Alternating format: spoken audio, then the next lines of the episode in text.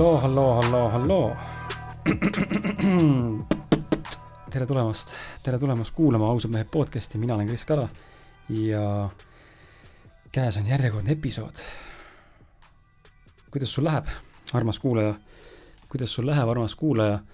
millise, millise vaibi pealt, millise vaibi pealt sa täna meie seltsis oled siin? minu vaib on hea, täna istun tegelikult juba teist korda siin stuudios sina sellest aru ei saa ja sinu jaoks on see mõttetu info, aga ma jagan ikka, sest minu jaoks on see oluline, et äh, täna istun tegelikult teist korda siin stuudios juba äh, ja ja kusjuures mõlemad episoodid salvestan oma sõpradega, nii et äh, selles mõttes on niisugune mõnus, mõnus vaheldus, vahepeal ka mõnus pingevaba vestlus enda, enda sõpradega teha, sest et mitte ma tunneks mingit pinget, kui mul on külaline külas. ma olen üsna chill ja üsna selline avatud ja, ja nagu ju what's up niga sellise suhtumisega, et mul ei ole nagu vahet, kes on vastas, et olgu ta president või mitte mina endiselt sinatan ja, ja ropendan, kui vaja on ja olen nagu vulgaarne ja aus ja otsekohene, filtrita ja toores. nii nagu, äh, nii nagu ikka, nagu sa tead mind siin podcast'ist.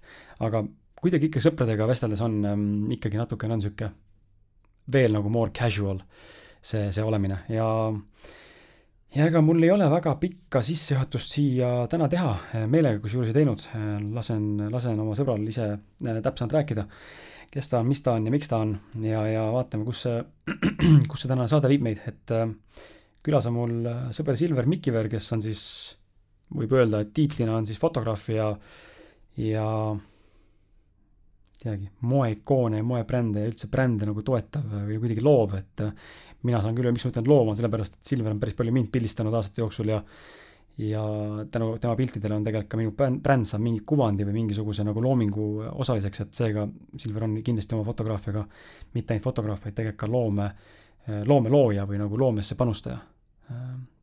ja vot, kuule aga tšau, tšau Silver.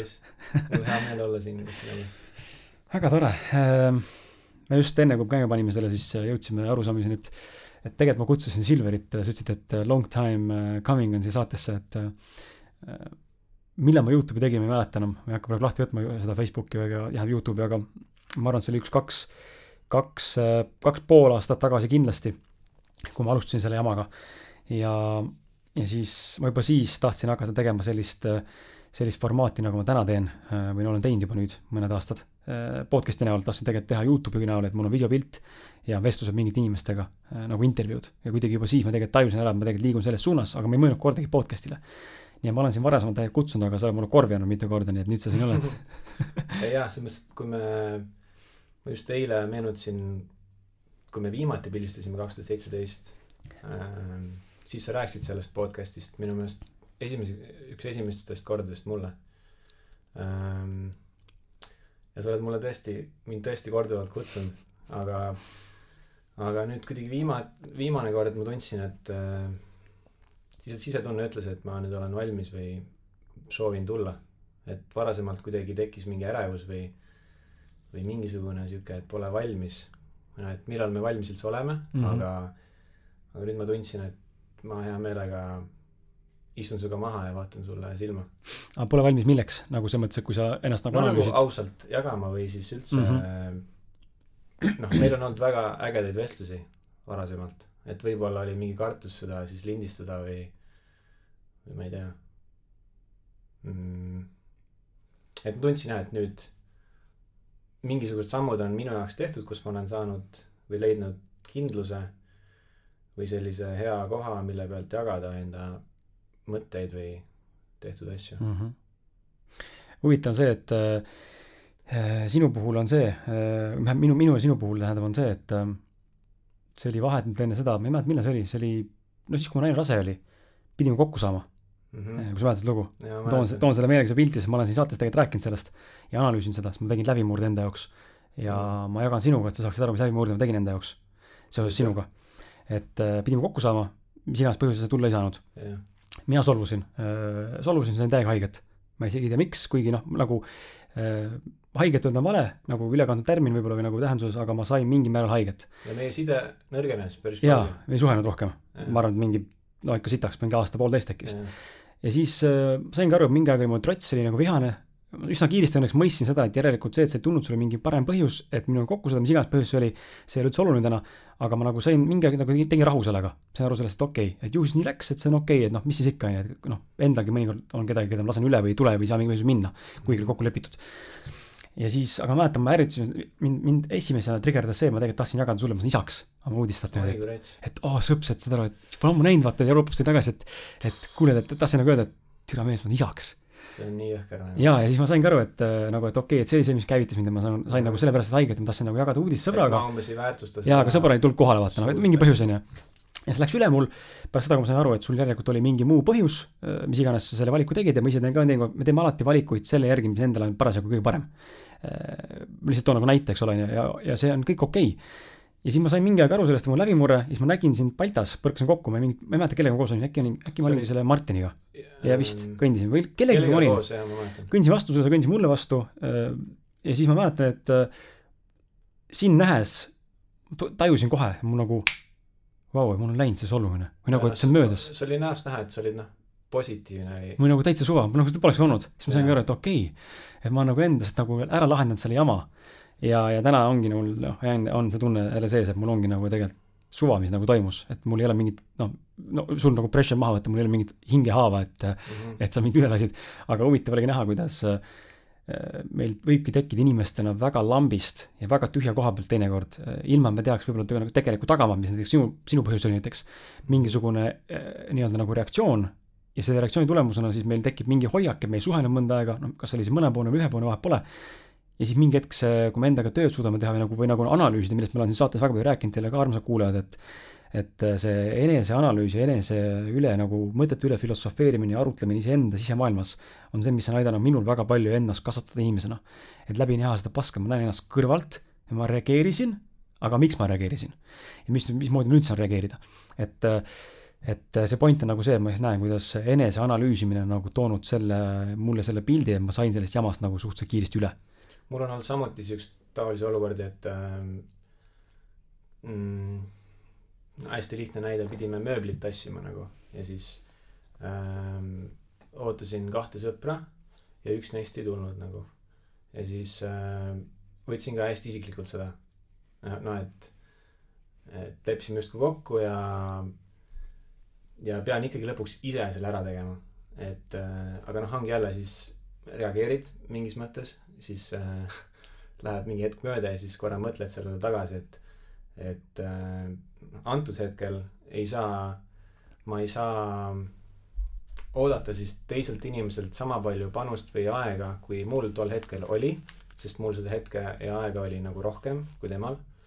et ma nii-öelda suhestun temaga väga palju läbi enda maailma nagu ja ei mõista jällegi, mis temal võis olla või, või mis temal võis parasjagu olla käsil, et, et ja näitad näpuga, et, et see äh, jah, kuidagi läbi valu on ka mul või noh, läbi mingi pettumuse on see selginemine tulnud, et, et see on huvitav. et me tegelikult ei tea, noh, niimoodi esmapilgul võib-olla alati, mis tegelikult inimese põhjus oli, aga me kipume hakkama kohe nagu süüdistama, sildistama ja mõtlema kohe, et nagu see vend oli munni värdi selles uh. -huh et see on väga huvitav jah. kui palju sind on, või mis, kui palju sind on ähm,, tahtsin tegelikult küsida seda, et ähm,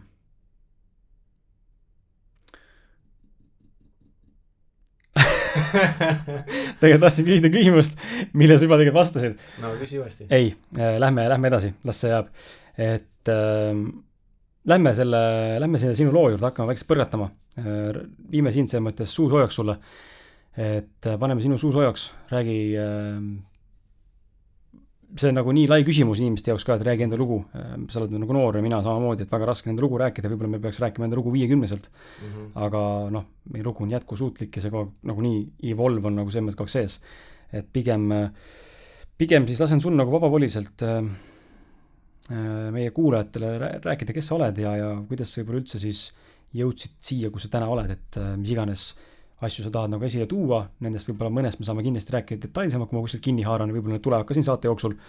aga, aga jaa, tee sihuke väike nagu ülevaade, throwback mm. -hmm. mm, ma ei tea, miks, aga see küsimus noh, et a la räägi endast on tekitanud mulle päris palju ärevust nagu varasemalt.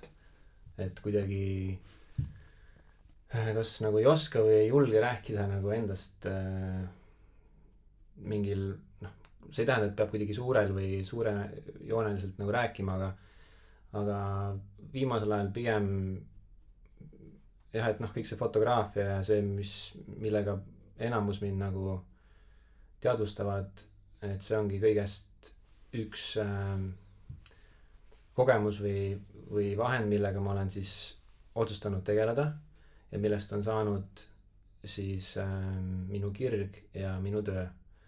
Aga selle taga on ikkagi inimene, kes on paljuski uudishimulik elu vastu ja, ja uudishimulik äh, teiste inimeste vastu ähm,.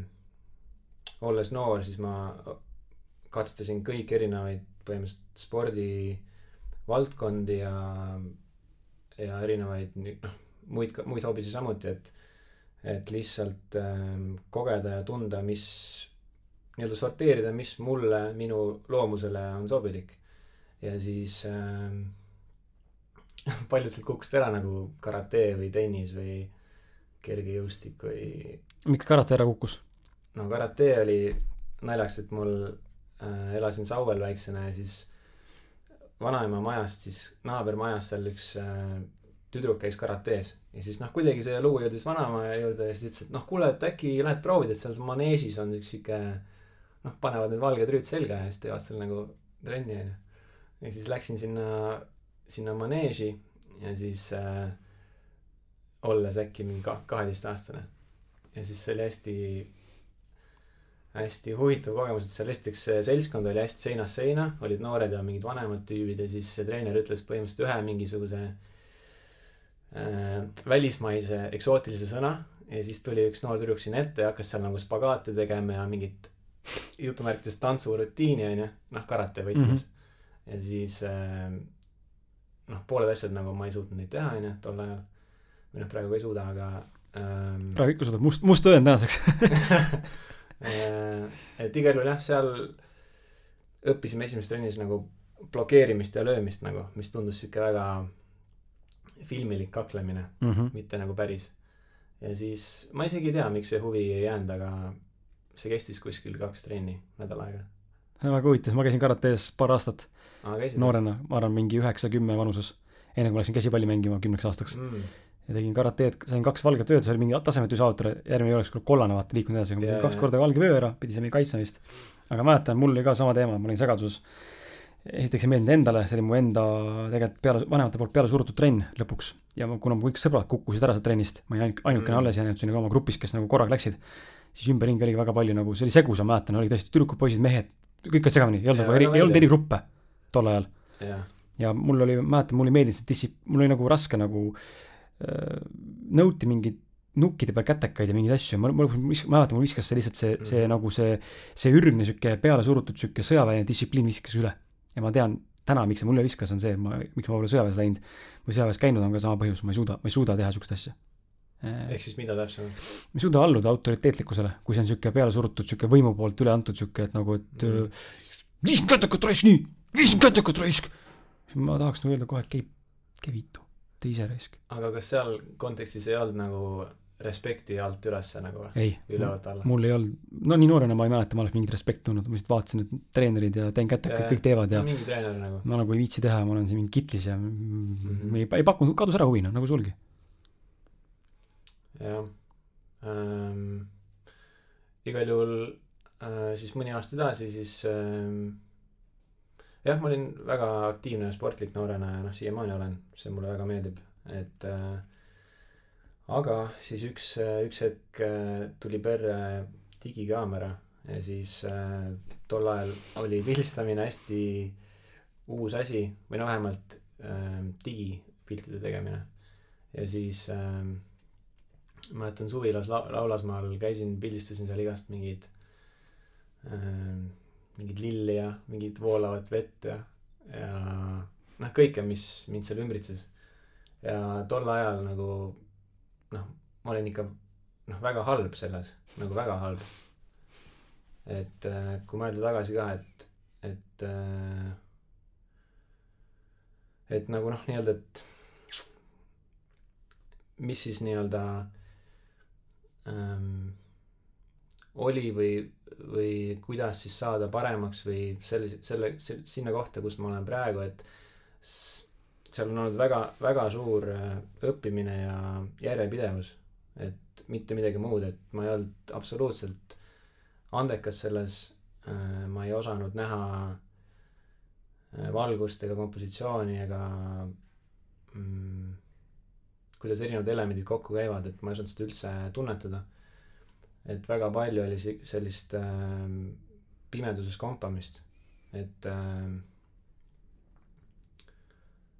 äh, jah, et, et sealt algaski suur huvi pildistamise vastu ja millegipärast see jäi, ma ei tea, miks, aga, aga mul oli vaja alati mingisugust kaamerat või midagi enda kõrvale. et jäädvustada kas siis noor, lapsepõlves nagu rulasõitu või, või noh, lumelauda või siis üldse inimesi minu ümber. et, et sealt filtreerusid siis nii-öelda läbi aspektid, mis, mida mulle meeldis jäädvustada. Need tulid paljuski läbi selle, mida ma tegin ja, ja see kirik kui selline sündis suuresti läbi noh, mitme aasta nagu et seda kindlasti ei leita nagu lihtsalt millegi üleskorjamisest. Ehm, et praegu ma tunnen, et see on noh, väga suur osa minust, minu olemusest ja ähm, isegi võib-olla mingis mõttes minu ülesandest, kuigi ma noh, ma ei piira ennast fotograafiaga kindlasti mitte. ei praegu ega tule, ega ka tulevikus ähm, et see see on väga loomulik minu osa hetkel mm. -hmm.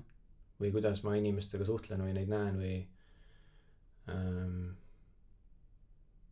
jah, ma praegu ütleks nii. huvitav, et äh, või sinu küsimus kohe, mis tahtsid pähe tekkida veel juurde, on see, et aga miks mitte loodusfotograaf olla?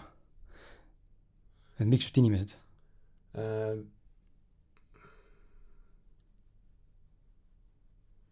Ma mäletan, et oli hetki, kus mulle ainult loodus tundus äh, igav või tühi minu jaoks. oli mingi periood, kus ma tundsin, et kui ma panen inimese sinna looduse keskkonda, siis on kohe ekstra layer ja asi on huvitavam ja raskem kohati. ja samuti läbi selle inimese, kuna ma olen uudishimulik ja mulle meeldib inimestega suhelda, siis see on nagu lisaväärtust läbi ka selle, et saab kas kellegi uuega tutvuda või jagada mingisugust äh, maailmavaadet või eriti, kui tegu oli loomeinimesega, siis jagada mingisugust hustle'it või, või sellist äh, loomeinimese teekonda, mhm. erinevaid mm -hmm. mingeid checkpoint'e, mis seal teel tulevad, et äh, ma olen väga nautinud vestlusi jah, erinevate vahet ei ole, kas need on muusikud või, või ähm, mm, kunstnikud või foto, videoinimesed, et, et noh, need nii-öelda noh, mured on vale öelda nende asjade kohta, aga noh, mingid need vahepealsed sammud, nende arutamine on olnud väga huvitav. sest noh, kõigil on need täpselt samad mm. -hmm. ja kuidagi jah, läbi nende leida, läbi nende ja pluss siis põrgatada enda mingeid mõtteid läbi selle leida siis vastuseid või mingisugust selgemat teejoont sellel rajal on olnud hästi huvitav minu jaoks. et äh, just see uudishimu ja selguse otsimine. et teha võimalikult hästi, võimalikult efektiivselt, võimalikult äh, suurelt. et need on huvitavad teemad mu jaoks mm. -hmm. jah, ilmselgelt me läbi teiste inimeste saame seda teha paremini kui üksi, et äh, ja siis, kui noh, aeg möödub, siis püüad aina suurtemate inimestega tutvuda ja neid, nendega nagu kokku saada ja arutada nendega mõtteid, et see on, et noh, ma olen läbi teiste inimeste väga palju kasvanud, et noh, väga palju. see on huvitav, et sa seda, seda maini-, ära mainisid, et inimestel on, et kõigil inimestel on olnud nagu sarnased mingid pidepunktid, noh, mingid raskused ja nagu probleemid nii-öelda jutumärkides või siis ülekant tähenduses, aga yeah ma ise näen sama, et miks mina seda podcast'i üldse tegema hakkasin kaks aastat tagasi, on, on sama seis, sest ma nägin, ma nägin tegelikult läbi selle mustri, et äh, vahet pole, kas sa oled miljonär või sa oled vaene, või sa oled äh, õnnelik või sa oled kurb, või sa oled mees ja naine, oled sa poiss ja tüdruk või mis iganes veel. et pole vahet, kus sa tegutsed, kes sa oled või, või mis on su materiaalne heaolu, siis seda sisemist sitta on kõigil ühtemoodi. ja tegelikult üsna tihti on needsamad asjad alaväärsuskompleks mingi välimuse pärast, ma ei tea, vaesusmentaliteet on see nii, nii sees tugevalt juurustunud läbi vanemate või enda põlvkonna või läbi mis iganes, mis iganes põhjuse, katkised suhted, eks ole, on ju, südamevalu, sul on seal võib-olla midagi veel, aga ma näen, et nagu mingid siuksed asjad on inimesel kõigil olnud ja need on tegelikult siiamaani, ka rikkuritel. Urmas Sõõrumaa oli üks näide, kes nagu meie saates käis ja rääkis äh, ka enda mingit asjadest ja ta ütles ka, et nad ei kao kuskile. see on endiselt olemas mm., lihtsalt õpin nendega tegelema paremini ja nagu kiiremini, efektiivsemalt ja, ja see ongi see minu podcast'i mõte ka inimestele näidata, et et kui sa, kui sa kipud nagu võrdlema ennast mõne tipu või mõne eduka inimesega või, või kellegagi, kellel justkui tundub nagu, et on kõik asjad olemas, siis koputa või nagu peatu korraks ja nagu vaata hetke ja saa nagu aru sellest, et, et äh, tegelikult tal on ka asju, mis võib-olla ei ole paigas. lihtsalt sa ei näe seda, sa näed nagu seda, et tal on palju plekki, aga võib-olla tal pole armastust. Äh, võib-olla ta on armastus, aga tal pole, ma ei tea, materiaalsust on ju, et nagu neid kaarte nii palju inimestel täna, ise näen ka, et äh, ma olen ka mingisugune, just tegelikult, miks ma rääkisin sellest enda podcast'is ka, et et kus minust on nagu jäänud väga palju erinevaid äh, maske ja kuvandeid, mis inimestel tundub, kes ma olen. ka see podcast'is kaks, kaks aastat rääkimine, see on jätnud minust mingi mulje meie kuulajale. kindlasti. aga mis ei vasta üldse tõele. nagu jah, ma olen siin autentne, aus ja ma ei valeta ja ma olen see, kes ma olen, aga, aga igapäevaelus ma tegelikult ei seisa oma sõnade taga alati sada protsenti, oma tegude taga sada protsenti et nagu mingid asjad on ikkagi liikuvuses kogu aeg, et see on hästi huvitav, et sa seda mainisid, et, et, et sind ka huvitas just see, et nagu näha seda, et tegelikult kõigil on mingid jamad, jamad kaelas mm. -hmm. Mm.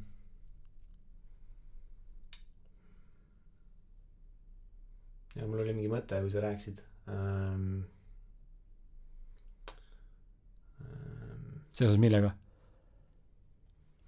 nagu seesama, kui sa mainisid Urmas Sõõrumaad ja noh, et kõigil on nagu need äh, omad takistused, et äh,. noh, ketra, ketra, tuleb, tuleb mm,. Mm, ei tule praegu uh,. okei okay,, aga lähme siis uh, vaikselt edasi, kui ta meelde tuleb, kui, kui tulema peab, et uh, mis sinu veel need verstapostid on siis, et sa fotograafina okei okay,, leidsid kaamera ja oled nagu tegutsenud ja, ja oled üritanud nagu endale kindlaks jääda kogu aeg, enda, enda rada raiuda, mis on ka minu meelest väga suur äh, julgus ja oskus ühtepidi, mida, mis on minus olemas, mis on sinus olemas, mis on paljudes teistes inimestes olemas, keda me saatesse oleme toonud ja keda me kohanud oleme ka. et see, see jäärapäine nagu äh, kindlameelsus enda asja edasi anda, isegi kui sulle öeldakse, et sa oled sitt. see on väga suur aspekt, selles mõttes see põikpäisus koos järjepidevusega on olnud üks väga suur läbimurdev nagu jõud, et äh, ähm, ja noh, samuti kõrvalt siis enda soov teha asju enda moodi või, või ise teha asju nagu, et ise boss. et jah, kuidagi noorest east on see läbi mingisuguse dünaamika kas lapsepõlve olukordade või, või mis, mis iganes minu sisse on selline nagu põikpäisus ja järjepidevus ja isemoodi tegemine kuidagi väga suuresti jäänud sisse.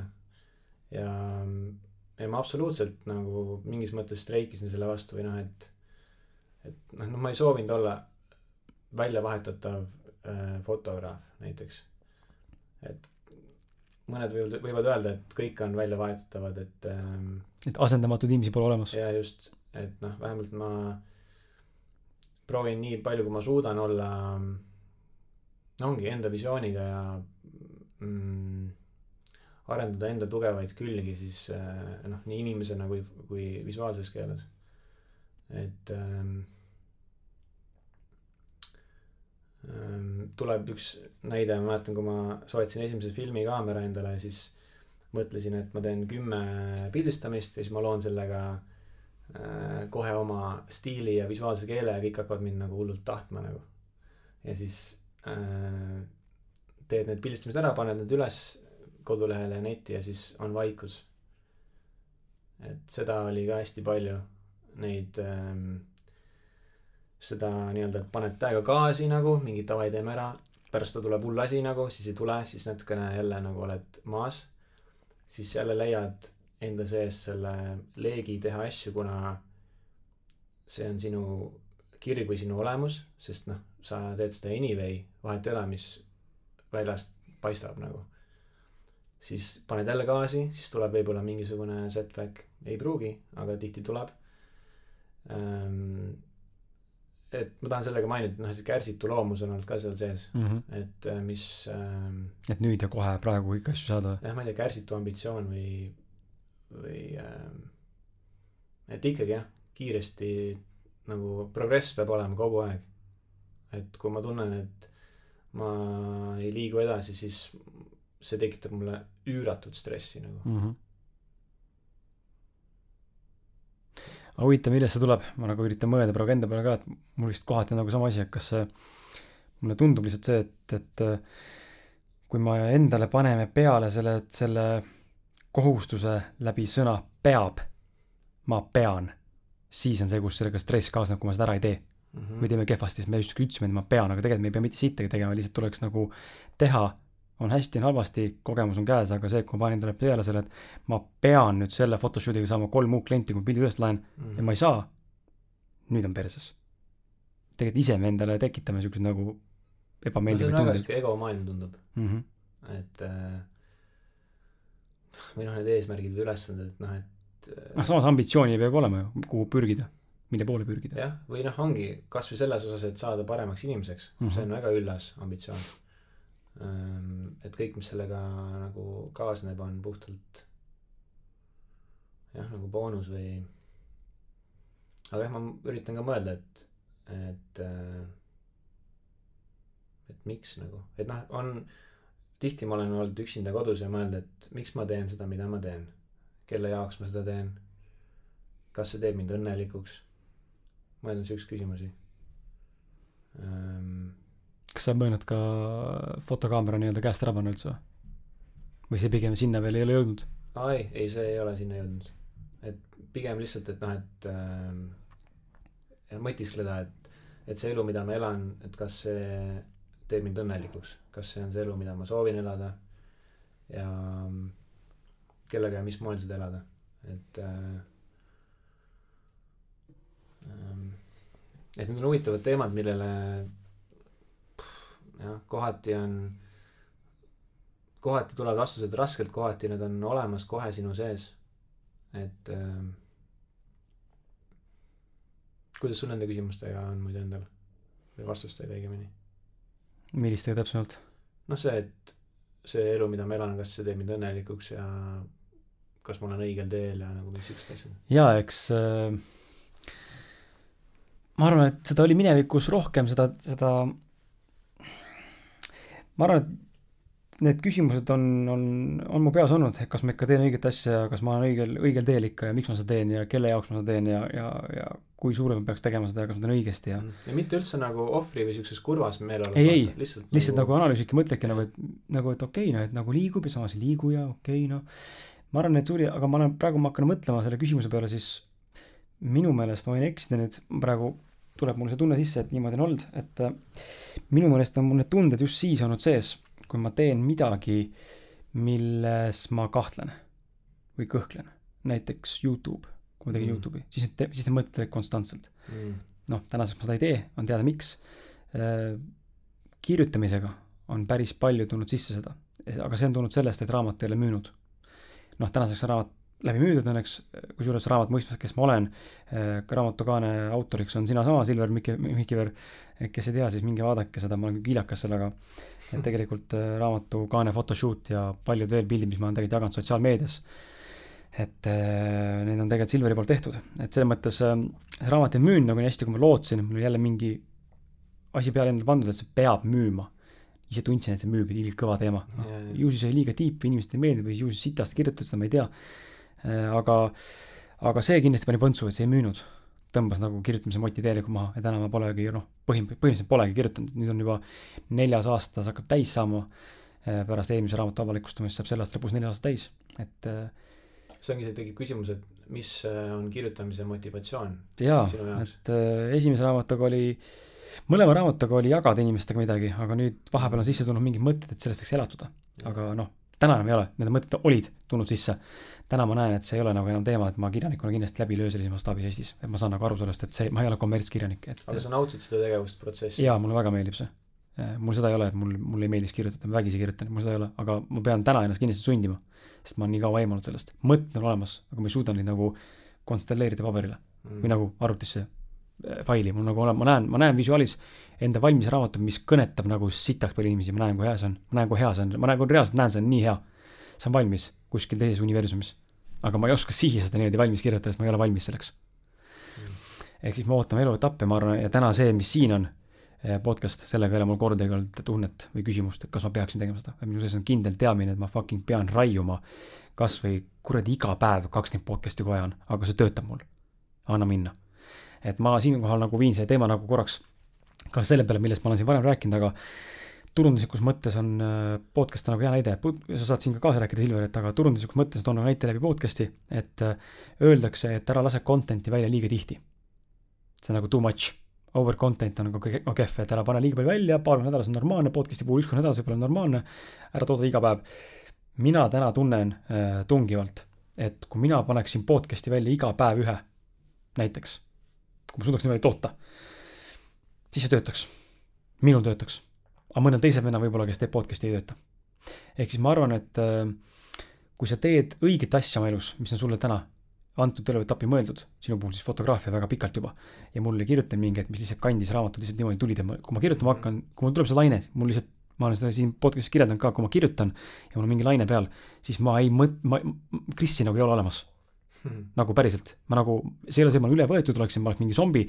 ma olen arvuti taga, ma saan teadlikult aru, aga mulle tuleb nagu ma lihtsalt tulevad laused ma ei pea isegi mõtlema, ma lihtsalt kirjutan. mees, see on hästi huvitav teema, see kanaldamine, see või noh, mul on ka olnud, olnud selline arusaam või noh, mulje, et, et kui on mingid pildistamised ja kui tekib sihuke flow state ja, ja erinevad aspektid nagu lähevad sümbioosiks, noh, et kas kas valgus, asukoht, modell või mis iganes erinevad elemendid nagu sulavad kokku ja siis tekib see särts su peas, et okei okay,, ma näen seda ja ma lähen püüan selle kinni.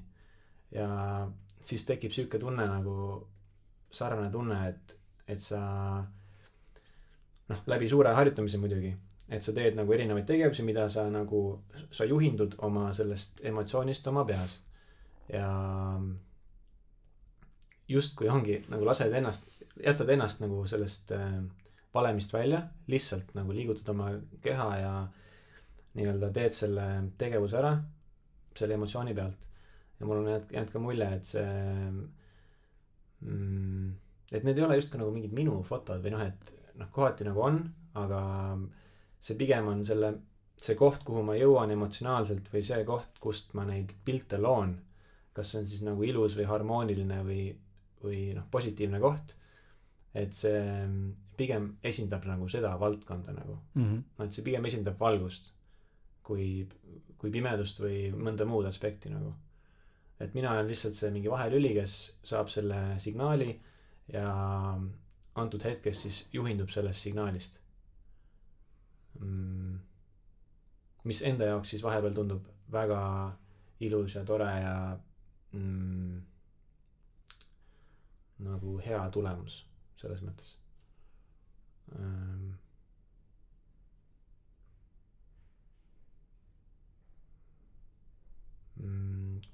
Aga kui sa jah, sa enne vaata mainisid, et sina ja siis mingi teine tüüp, kes teeks või noh, nii-öelda, et sinu jaoks töötaks iga päev podcast'i tegemine, et see tähendab seda, et see tuleb sul orgaani-, orgaaniliselt nagu onju mm. -hmm. mis roll sinul elus on orgaanilisusel ja et asjad lihtsalt kuidagi sujuvad ilusti. või noh, et minu jaoks tundub äh,, noh, et asjad toimivad ähm,, kui sa kuulad oma sisetunnet ja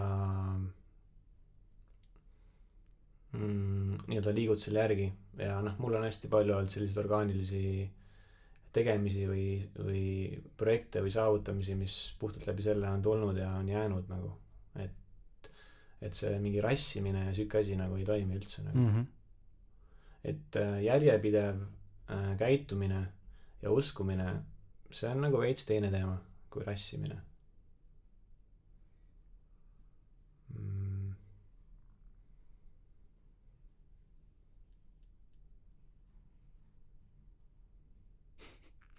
Ei, ma olen nõus. ma olen täitsa nõus, et äh, intuitsioon on asi, mida mina olen, ma arvan, jälginud, ma ei, ma ei oska nagu niimoodi öelda, mis alates see pihta hakkas, aga kuskilt maalt mul on, on mingi nagu mm,, mu nagu tunne, aga ei mäleta seda aega, aga ma tajun, et mingist hetkest see täpp pinnis Mm -hmm. seda ei olnud. noh, ütleme võib-olla kümme, üksteist, kaksteist äkki ei olnud seda ja siis kolmteist äkki oli, ma ei mäleta aega, aga mul on nagu tunne, et see on nagu päris pikalt, üle kümne aasta juba olnud ja see tuli mingis hetkes mu sisse, see suur teadmine, mida ma nüüd teen. et see, mis ma, ma kuulan sisetunnet, elu, elu toetab mind mm. -hmm. ma näin seda inimestega, ma näin seda situatsioonidega, ma näin seda raamatute väljaandmistega, ma näin seda podcast'iga, ma näin seda külaste otsimisega ja nii edasi, et kui ma teen intuitsiooni pealt mingeid otsuse, siis, siis see on alati, on nii-öelda win. mul oli selline noh, see teekond, kuidas ma sain vabakutseliseks fotograafiks nagu ähm, eelmine töö nagu lõppes ja siis oligi see olukord, et kas ma otsin uue töö või siis ma äh, hakkan tegema fotot sada protsenti oma ajast. ja siis äh, see tüdruk, kellega ma tol ajal koos olin, ütles, et no aga miks sa peaksid minema tööle, et, et noh, umbes, et proovi seda või tee seda nagu fotoasja. ja siis ma ütlesin, et okei okay, nagu, et äh, praegu tundub ideaalne hetk seda tegemaks ja ja tundsin, et see on intuitiivselt väga õige tegevus ja justkui asi, mida ma olen tulnud siia tegema nagu. noh, nii imelik nagu see ei kõla. ja siis ähm, äh, see toimis nagu paar kuud väga hästi ja siis üks hetk ma tundsin, kuidas oli nagu vaikus nagu töö mõttes. ja siis oli selline umbes pettumus, et universum ei toeta, vaata mm. -hmm. et justkui asi, mida ma saan kõige rohkem pakkuda või oskan kõige paremini, et miks see ei toimi. aga siin tuleb jälle mängu see, et kui, kui suhtumine või selline pea seisukord ei ole nagu nii-öelda fokusseeritud või positiivne, siis väga palju seda väliselt maailma langeb samuti kokku nagu. et, äh, et noh, oligi umbes, et olin jälle kodus ja mõtlesin, et miks mul on selline olukord nagu. et mida mul on sellest õppida. ja, ja noh, oligi see, et peab saama mm, nii-öelda noh, mul oli, ma arvan, palju ka siukest mingit, et noh, on raske või ohvri või sihuke läkk, sellist nagu seda äh, külluse puudus Mm -hmm. külluse puuduslikku nagu mentaliteeti, et äh, et sellega ma tol ajal kindlasti võitlesin ka päris palju. Äh, et ähm, täna on, on parem või? tunned, et oled, jaa, on küll parem mm,. mis teinud oled selleks, et parem oleks, sest et äh, puudusteadus äh, on äh, päris enamikes inimestes sees, kaasa arvatud minus, et meie kuulajad kindlasti tahaks teada saada, kuidas sina enda puudusteadust võib-olla vähendasid või nagu siis parendasid. ma ei tea, kas see läheb sinnasamma auku, aga üks hetk ma mõits-, mõistsin, et ükskõik, mis on meie soov või mõte, iga selle soovi jaoks on olemas rada. see rada võib-olla on käänuline, aga see on olemas. Tekkis paar momenti elus, kus ma, tekkis suur soov midagi saada, midagi saavutada ja ma saavutasin neid. sealt tekkis sihuke uskumus nagu, mm. -hmm. et äh, kõik, mida ma soovin, justkui on võimalik saavutada. see kindlasti mingil määral parandas seda, ma ei tea, kas äh, see oli nagu muut-, täiesti, täielikult muutev aspekt, aga ähm, see on huvitav, et sa mainid seda sellepärast, et äh, meil saates käinud Andrus Vana, see spirituaalne õpetaja, kelle saate ma sulle jagasin ja kelle juures ma ise käisin eraldi konsultatsioonis ka. tema üks äh, suur veendumus on, kuidas see maailm täna siin nii-öelda kvanttasandil siis töötab, on täpselt sama, et tema muidugi räägib nagu ka sellest teekonnast, et see tee, see rada on olemas meie kõigi jaoks, aga toob nagu ka raha välja alati selles mõttes, et ükskõik, mis sa ka teha ei tahaks, siis selleks on alati piisavalt koguses raha. täpselt nii palju, kui sul vaja on seda asja ära teha. Lihtsalt tuleb pihta hakata kuskilt, kus sa täna alustada saad juba. ja mm, -hmm. ja seda ma olen ka enda elus näinud samamoodi, et, et see vist kipubki niimoodi olema, et kui, kui ma näen, kui ma tunnen, et see on minu jaoks võimalik, käib see nagu klõks ära, ma saan aru, et see on võimalik ka ressursiliselt, et täna veel mitte, aga ma saan aru, et see raha kuskilt noh, ta tuleb kuskilt, kui ma väga tahan teha seda mm. -hmm. mitte egoistlikult või mitte nagu mõistusega tahan, vaid nagu päriselt südamest tahan teha seda asja. Siis äh, need ressursid ja võimalused nagu tekivad ja see rada võib olla käänuline, Androsi siis ainuke koht, mis ta rõhutab, ongi see, et see rada on olemas ja see ressurss on sul olemas. lihtsalt sinu, sinu valik on see, kas sa valid kergema või raskema teekonna. see on hästi huvitav, see kerge või raske teekond nagu. et kas, noh, ma ei tea, kas sa koged seda, aga ma ise kogen küll, ma praegu mõtlen tegelikult, mul on väga palju tegevusi, mis ma olen teinud ja tegelikult hakkan mõtlema praegu, mis tegelikult ongi, kas ma valin sellel teekonnal kergema vastupanu või raskema vastupanu liikumise teekonna. kohal jõuan niikuinii ühtemoodi, aga millegipärast me tihtipeale ei oska neid valida, aga tegelikult alati on valik, kas minna raskemat või kergemat teed pidi ja seda saad otsustada ainult selle järgi, mis Andrus ütleb siis, on ainult selle järgi, mis tunne su sees on. see peab olema hea tunne mm. -hmm. kui tunne on halb, siis ära tee seda. tee seda, mis on hea selle asjaga seoses ja siis see rullub nagu paremini läia. et sul oleks võimalikult mugav ja kerge liikuda teekonna suunas, mis nagu kohati lükkab ümber selle täielikult selle meie tänase maailma, kus meile siin nagu käristatakse ja igalt poolt pasutatakse, et et no fucking do this shit every day ja umbes, et sitt on persest väljas, nina ja veri ninast väljas, et pead nagu läbi raiuma, onju. et aga tegelikult saab ka kulgeda rahulikult mõnusas tempos, nii et sul on kogu aeg mõnus, tehes suuri asju. ma ise olen näinud seda, kuidas töötab. podcast on üks näide. jah, noh, see info, mis meile kuvatakse, see ei kõnele sellest, et me oleme võimsad ja tugevad ja me saame saavutada, mida me saa-, mida me soovime. et äh, üks näide äh, Põhjala tehases, meil oli üks pildistamine nüüd juba üle-eelmine november. ja siis me nägime tervet seda rajooni, kus oli erinevad suured angaarid ja erinevad ruumid, mis olid väga ägedad, mis siiamaani on väga ägedad. ja pärast seda pildistamist ma kahe oma sõbraga arutasime, et milline oleks meie ruum, kui meil oleks seal enda pind, milline see näeks välja. ja siis me läksime ülipõlema sellest mõttest nagu ja, ja nii-öelda kerisime selle teema hästi üles ja aga siis see mõte jäi justkui seisma paariks kuuks. ja siis äh, ma tundsin, et kuna see oli sihuke rajoon, mis äh, noh, oli ehitusjärgus ja paljud sinna kindlasti kirjutavad ja tunnevad huvi ja soovivad ruume saada, et ma pean kirjutama ja muidu see võimalus läheb käest ära. ja kirjutasin neile ja siis sain kokku ühe naisega, kes seda rajooni nagu seal haldas. seal oli esimene miiting, kus arutati siis äh, avaürituse, kuidas seda teha, avaüritust nii-öelda, brainstorming. ja seal tutvusin siis omanikega ja, ja sain nende kontaktid. siis, ja siis panin nii-öelda selle info edasi, mis meil seal autos nagu mm, välja tuli või välja ehitus nagu. ja selle huvile tuli vastu selline meil, et, et okei okay,, et kui, kui te soovite saada mingisugust ruumi, siis mida te selle eest nagu saate vastu pakkuda või mis on teie nagu panus. et alguses meil oli mõte, et, et me sooviksime ühte ruumi ja me saame pakkuda vastu erinevaid teenuseid, kuna meil kamba peal oli päris hea pagas äh,. visuaalist kuni turunduseni siis see nagu neil ei toiminud. ja siis tekkis nagu selline hetk, et justkui nagu ei saa mm. -hmm. ja siis ongi see, et, et kas ähm,, kas nagu justkui anda alla või nagu jätta see asi sinnapaika või nagu küsida nagu mingi nurga alt või, või läheneda, et äkki on mingi võimalus veel või mingi teine ruum või igal juhul me otsustasime, et, et me liigume edasi, et küsis, küsisime, et kas on äh, mõnda teist ruumi või mingit mõtet, kus me saaks äh,. ma ei mäleta, kas me tõime kohe välja uued mõtted või pärast seda meili, aga igal juhul selgus, et seal on üks angaar, mida nad ongi mõelnud äh, nii-öelda loometegevuse jaoks. siis me saime uuesti kokku ja vaatasime selle plaani üle ja panime kokku uued mõtted, mida me seal ruumis teeks.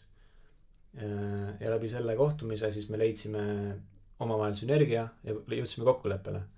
ja siis äh, kuu aja jooksul me saime need võtmed sinna angaari, kus me siis toimetasime, toimetasime aasta aega, et, et see oli väga paljuski jah, nagu järjepidev ja, ja see ei ole võib-olla see raske ja kerge tee valimine, vaata mm, -hmm. aga see on pigem see, et ähm, et sa ei lange sinna, et okei okay,, nagu ei saanudki või et me kaotasime või noh, et ikkagi edasipüüdlikkus on kuidagi suurem kui see jõud mm, -hmm. mis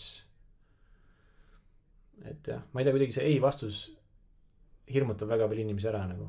täiega. et ma noorest peast mäletan, noh, ma kirjutasin igast meile erinevatele brändidele ja mõtlesin, et ma olen nagu the shit, vaata. ja noh, mega naiivselt ja väga mm, üldse mitte usaldust tekitavalt nagu lähenesin mm, erinevatele brändidele ja noh ilmselgelt seal ei tulnud mitte mingit vastust või võib-olla tuli mingi ei vastus onju ja ja ma proovisin ja püüdsin sealt nagu õppida et mida ma teen valesti. Et äh, miks ta et ma uskusin endasse millegipärast ma ei tea miks ma ei tea miks aga et ma uskusin uskusin endasse et nagu ma olen seda väärt. Mm -hmm. ja ma püüdsin aru saada et miks see meil või see viis kuidas ma kõnelen nendega ei toimi. Ja noh sealt leidsin tee sinna et noh kuidas pakkuda rohkem väärtust ja ja nii-öelda olla mitte isekas et noh et äh, pigem anda rohkem kui võtta nagu seda mida sa soovid et äh, tuleb sellega üks lugu meelde siin äh, ja kuna see on nii avatud saade, siis mul ei ole raske siin ega kahju siin öelda ka, et äh, kirjutasin Sportlandi äh, ühele noormehele äh,, Gerdile, Gerd Kiili. et äh, tere, Gerd, kui sa kuulad. kirjutasin äh,, kirjutasin Gerdile siin üks päev mõne, ütleme kuu aega tagasi umbes äh,. Mul oli vaja saada ühe photoshoot'i jaoks riideid. Ja mul oli suht kiire sellega. Ja noh, kuna me jäime mõlema fotograafiga ise jäime siis viimasele minutile ja mul oli vaja rahva, rahvaraamatus pildistada siis, siis ma mõtlesin, et pakun Sportlandile nagu mingit reklaami, ma saan kas või podcast'is välja karjuda, mul on piisavalt palju kuulajaid juba, eks ole, on ju, mis iganes veel, noh, ideed olid olemas, erinevad, kus neid nagu esile tuua, mida neile pakkuda ja ütlesin, ma too, tahaks riideid saada mõneks tunniks. mingi kas üks paar tosse, üks, üks hilp ja üks mingi särk, mis iganes, on ju, et väikest vaheldust endale ja siis jäin kuidagi hiljaks selle pakkumisega või selle, selle mõttega nagu ja siis kirjutasin Gerdile, et kas ta nagu noh, kuna ma Gerdi nagu tunnen eelneva sportlane töökogemuse tõttu ja omast arust nagu olen nagu sina peal ka enam-vähem niimoodi, et nagu saan nagu sinatada. siis kirjutasin talle, et kas ta annaks mulle palun turundusinimese emaili, et ma tahaksin nagu, tahaksin nagu kirjutada ja teha väikse äh, koostööpakkumise, et võtta teid riideid ja, ja siis garantiilepingu või mis leping see on, ma ei tea, mis see nimetus on. selle alusel ja siis toon nagu tagasi ja teen teile väikest reklaami vastu ja siis äh,, minu suund oli, minu eesmärk oli see, et nagu, et kas ta ise tegeleb või ta annab mulle meili. noh, see oli üks lühike meil, ma ei seleta midagi, sest ma ei tahtnudki talle üldse seletada alguses äh,. ja siis ta vastas mulle nagu niimoodi, nagu noh, niimoodi, et umbes, et ma ei tea, tuleb ikka, veits tuleks ikka rohkem pingutada äh,. et niimoodi nagu lambist lend laivi, et kas, kes sa umbes psühko oled, noh, ta ei öelnud seda, aga ma lugesin välja selle, et et veits võiks rohkem nagu pingutada, vaeva näha, et midagi saada, aga ta sai must valesti aru, mu eesmärk ei olnud talt midagi küsida kohe vaid mu eesmärk oli saada ta jutule üldse. ma küsin, kas ta oleks huvitatud sellisest projektist, kas nad ikka teevad veel laenu, noh, seda garantiilepinguga asju, mitte mm. -hmm. et kui jaa, siis ma räägiks edasi projektist. ja ta, ja siis ta vastas niimoodi mulle ja siis andis mulle turundusmeili, meilinumbri ja ütles, et edaspidi nagu soovitan sul olla nagu äh, vähe detailsem ja nii-öelda nagu läbimõeldum. ja siis ma tundsin nagu, et mida vittu, nagu mida vittu mees. ma lihtsalt nagu kuule, kuule, kuule, sa, sa, mul tekkis nagu väike trots nagu sportlane vastu, et tere, mis te arvate, et te olete nagu niisugused tõusikud või? Ja siis ma nagu rahunesin maha. ja siis see diil jäi katki, ma läksin hoopis äh, äh, Prage Estonia poole, nii et aitäh, Prage Estonia. aga see on hästi nagu peen sõnade mäng, kuidas mm -hmm. kirjutada ja noh, ilmselgelt see meil vaata, seal on no ma ei tea, paar lauset on ju. ja seda saab vorm, vorpida nagu väga eri, erinevat pidi. et äh.... tavaliselt, kui ma inimestele lähenen projektidega, ma kirjutan ikkagi pika projekti, kes ma olen, mis on podcast, mis on lühikirjeldus, mis on meie statistika andmed ja see, mis me käinud, noh, mis me saavutanud oleme, kus me käinud oleme. ma olen suur ülevaate, lihtsalt ma tahtsin temalt saada alguses seda kinnitust, et ta on üldse huvitatud ja siis ma oleks saatnud sama kirja edasi talle. aga noh, esimest sammust edasi ei jõudnudki, ta sai must valesti aru. temast nagu, tema käest turundusinimese kontakti või? jaa, ja, ja, ja, või siis, kas ta on huvitatud, kas nad teevad endiselt sportlasega niisugust tööd, koostööd mm.. ja ma annan järgmise kirjaga edasi, mis ma tegelikult tahaks nagu öelda. Äh, mis sa taktitundest arvad muidu? Või mis sa arvad, kuskohast see tuleb, lihtsalt avatud küsimus.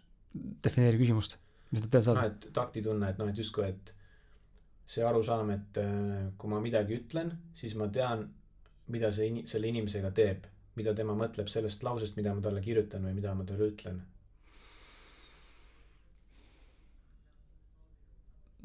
et kas, kas sa oled sellele tähelepanu pööranud, kas see on asi, millele sa noh, see on võib-olla mingi inimpsühholoogia veits. jaa, ei kindlasti, selge on see, et ma olen liiga otsekohene võib-olla mm.. liiga otse. võib-olla pole piisavalt pehme nagu. ei, ma pehme kindlasti ei ole jah, ma ei viitsi üldse, ma ei vii-, ma ei, ma ei ole üldse sihuke inimene, kes hakkaks mm, midagi nii-öelda pehmelt rääkima, kui mul on idee, ma räägin väga konkreetselt, üks, kaks, kolm, neli tahan mina saada, üks, kaks, kolm, neli, viis, kuus pakun sulle vastu, idee on selline, kas teeme ära või ei tee? no ma olen ka konkreetne, lihtsalt ainult võib-olla kui ma kellegi käest midagi nagu soovin, siis ma lihtsalt nagu äh, väljendan enda nagu äh,, nagu tänu või siukest äh, noh, kuna mina soo-, mina kirjutan talle, mina soovin mm -hmm. talt midagi.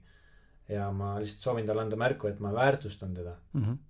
et äh, ja, ja see on ka suur asi et noh et miks ma just talle kirjutan nagu et et miks sina just sobid mulle sellesse projekti noh et et ähm, et teha seda rohkem isiklikumaks või mm -hmm. noh, et nagu tähtsamaks, et see ei ole see, et mingi lampi kirjutan mingi kellegi vennale, ma tahan seda saada.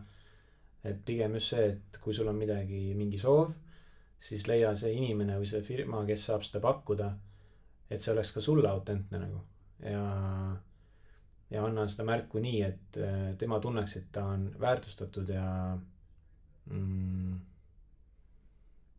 et talle ei kirjutatud lihtsalt nagu mingi spämm-meil mm. -hmm ei, ma täitsa nõus, ma saan sinust aru, ma saan sinust nagu aru, mis sa mõtled ja ma, eks ma seda teen ka, eh, kui ma kellelegi lähenen mm. -hmm. lihtsalt ma arvan, mis seal Sportlandi puhul juhtuski see, kuna ma Gerdi tunnen ise, noh ah, okay., ju natukene mingil määral, siis ma läksin familiaarselt küsima Facebookis, mitte, ma isegi ei läinud meilide kaudu, kirjutasin Facebooki talle. ja siis ta oli puhkuses samal ajal, võib-olla see, noh, seal võis olla mitu, mitu aspekti nagu selles mõttes.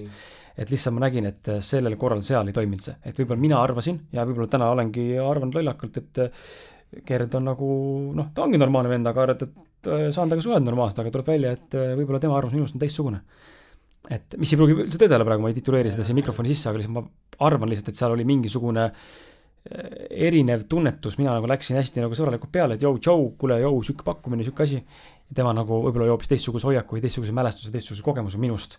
ja oli hoopis teistsugune hoiak ja arusaam ja nagu suhtumine mm.. et seal oli võib-olla lihtsalt, ma arvan, üksteisest mööda rääkimine, sest tavaliselt inimesed ikkagi vastavad väga pikalt, kui ma kellelegi saadan mingi pakkumise koostööpakkumise, loomulikult ma toon nad välja ja kiidan neid ja, ja ma ei kirjuta kellelegi lambist niimoodi, et kuule, oh, et a la ma ei tea, noh, siin ma ei tea, noh, Mango pood, lähen Mango poodi, kirjutan kirja, et tahan riided saada, kui ma tegelikult üldse kunagi Mangos ei käigi, noh, ma ei tee siukseid asju. aga ma tegin seda, mina tegin seda, noh, mingi omamoodi päris palju, kui ma olin nagu noorem. et lihtsalt see, mul läks üldse aega, et see sotsiaalne osa saada kuidagi paika või noh, et saada tunnetada nii-öelda inimvahelisi suhteid paremini ja saada aru ähm,. olla nagu konkreetne oma kommunikatsioonis ja olla aus ja nagu sellega läks kuidagi väga kaua aega. nagu kuidagi ähm,. jah, ma ei tea. kuidagi raske oli seda õpetada, et. kas sa pead ennast introvertseks või äh,? pigem küll jah, ses mõttes mul väga meeldib üksi olla ja, ja ma väga, väga naudin üks-ühele vestlusi mm. -hmm ja no okei okay,, väikest seltskonda ka, aga kui on suurem seltskond või viimas-, viimasel ajal isegi nagu festivalid, siis ma tunnen, et see pigem võtab mult energiat, kui annab. et äh,, et just eile õhtu ka käisin, sõitsin longboard'iga ringi ja olin mere ääres, vaatasin merd. mingi, mõtlesin enda mõtteid, siis jõudsin koju, olin korra katusel, vaatasin äh, pilvi nagu. ja, ja noh, see on ka osa mingisugusest hingerahust või mingist olemusest, mis mul on.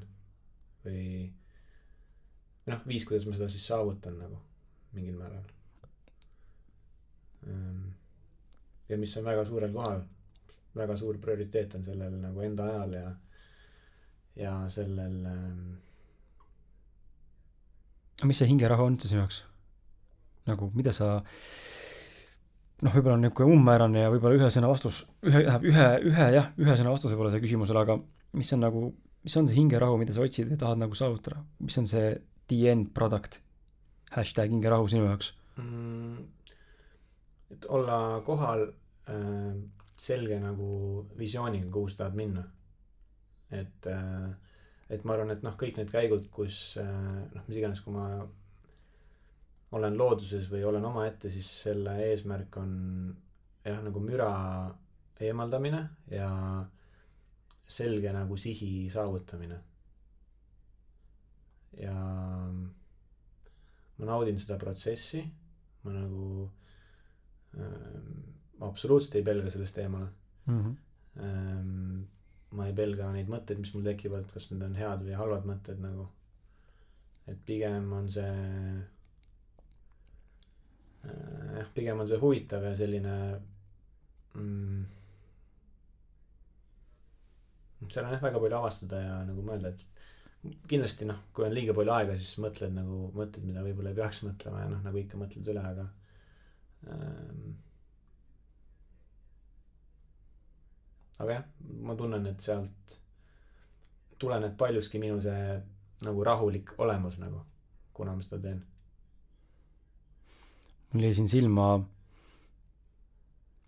küsimus äh, selline, et äh, kui me räägime eesmärkide saavutamisest, et kui me räägime eesmärkide saavutamisest, siis äh, tihtipeale me raiume nagu nui neljaks mingit visiooni. ja, ja siis me läheme nagu enam-vähem läbi peaga läbi nagu, nagu verise peaga läbi seina, et äh, ja kui seda ei saa, siis noh, siis me lihtsalt lähme siis mujale, on ju. aga et äh, sa ütlesid, et äh, sinu jaoks on nagu paindlikkus eesmärgi saavutuse oluline, oskad sa äkki tuua mõnda näidet, kuidas ja mismoodi see on väljendunud?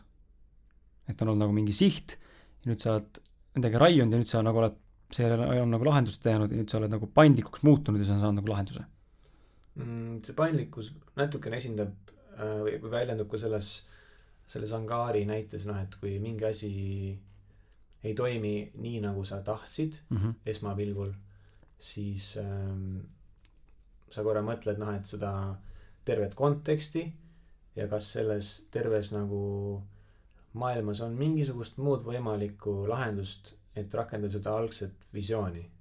et noh, tolle näite puhul oligi äh,, oli puhtalt paindlikkuse aspekt oli see, et küsida avatud küsimus, et kas on mingit muud lahendust, saada mõni muu ruum või, või pakkuda mingit muud väärtust.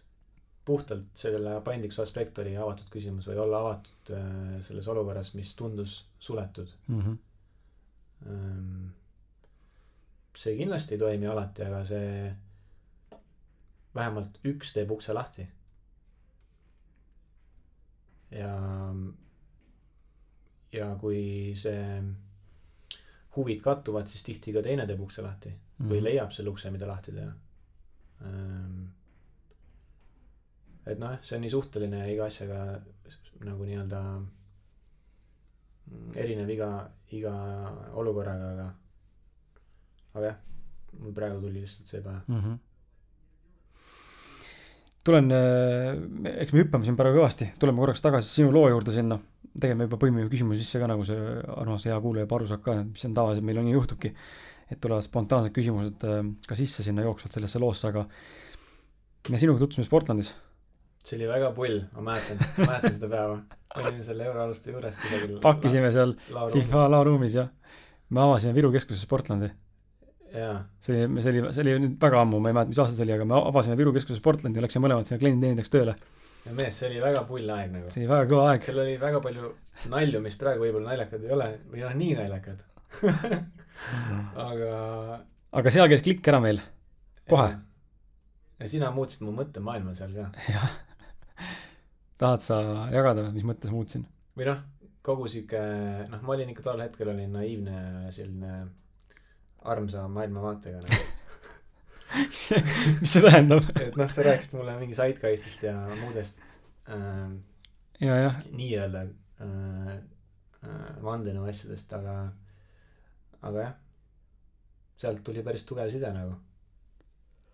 et äh, mida sa sellest ajast mäletad või, või välja tahaksid tuua?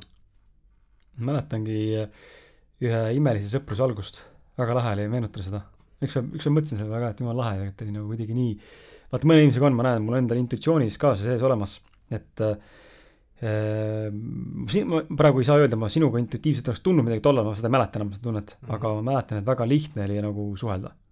noh, pandi sinna lattu kahekesti, on ju, või noh, sinna kuradi euroalusega pakkima, kaupa pakkima sinna nii-öelda, siis me sõitsime seal selle suure veoga, veoka kahviku taga nendes kuradi kauba otsas istusime lihtsalt. kaubaauto sees istusime lihtsalt lahtiselt, sõitsime virru ja, ja viisime oma nii-öelda nagu tulevastele kolleegidele siis kaupa. ja aitasime poodi ehitada ja kõike seda muud, et äh, meid pandi jah, kahekesti mingeid asju tegema sinna ja. ja kuidagi jah, see side nagu jäi, et päris, äh, päris cool oli jaa. Äh, jah siis ma mäletan, et kui ma sind esimest korda sinna sinuga pildistama läksime, meil oli see üks tüdruk kaasas veel, mis nimi on nüüd on, Elizabeth või? mm,. milline pildistamine see oli?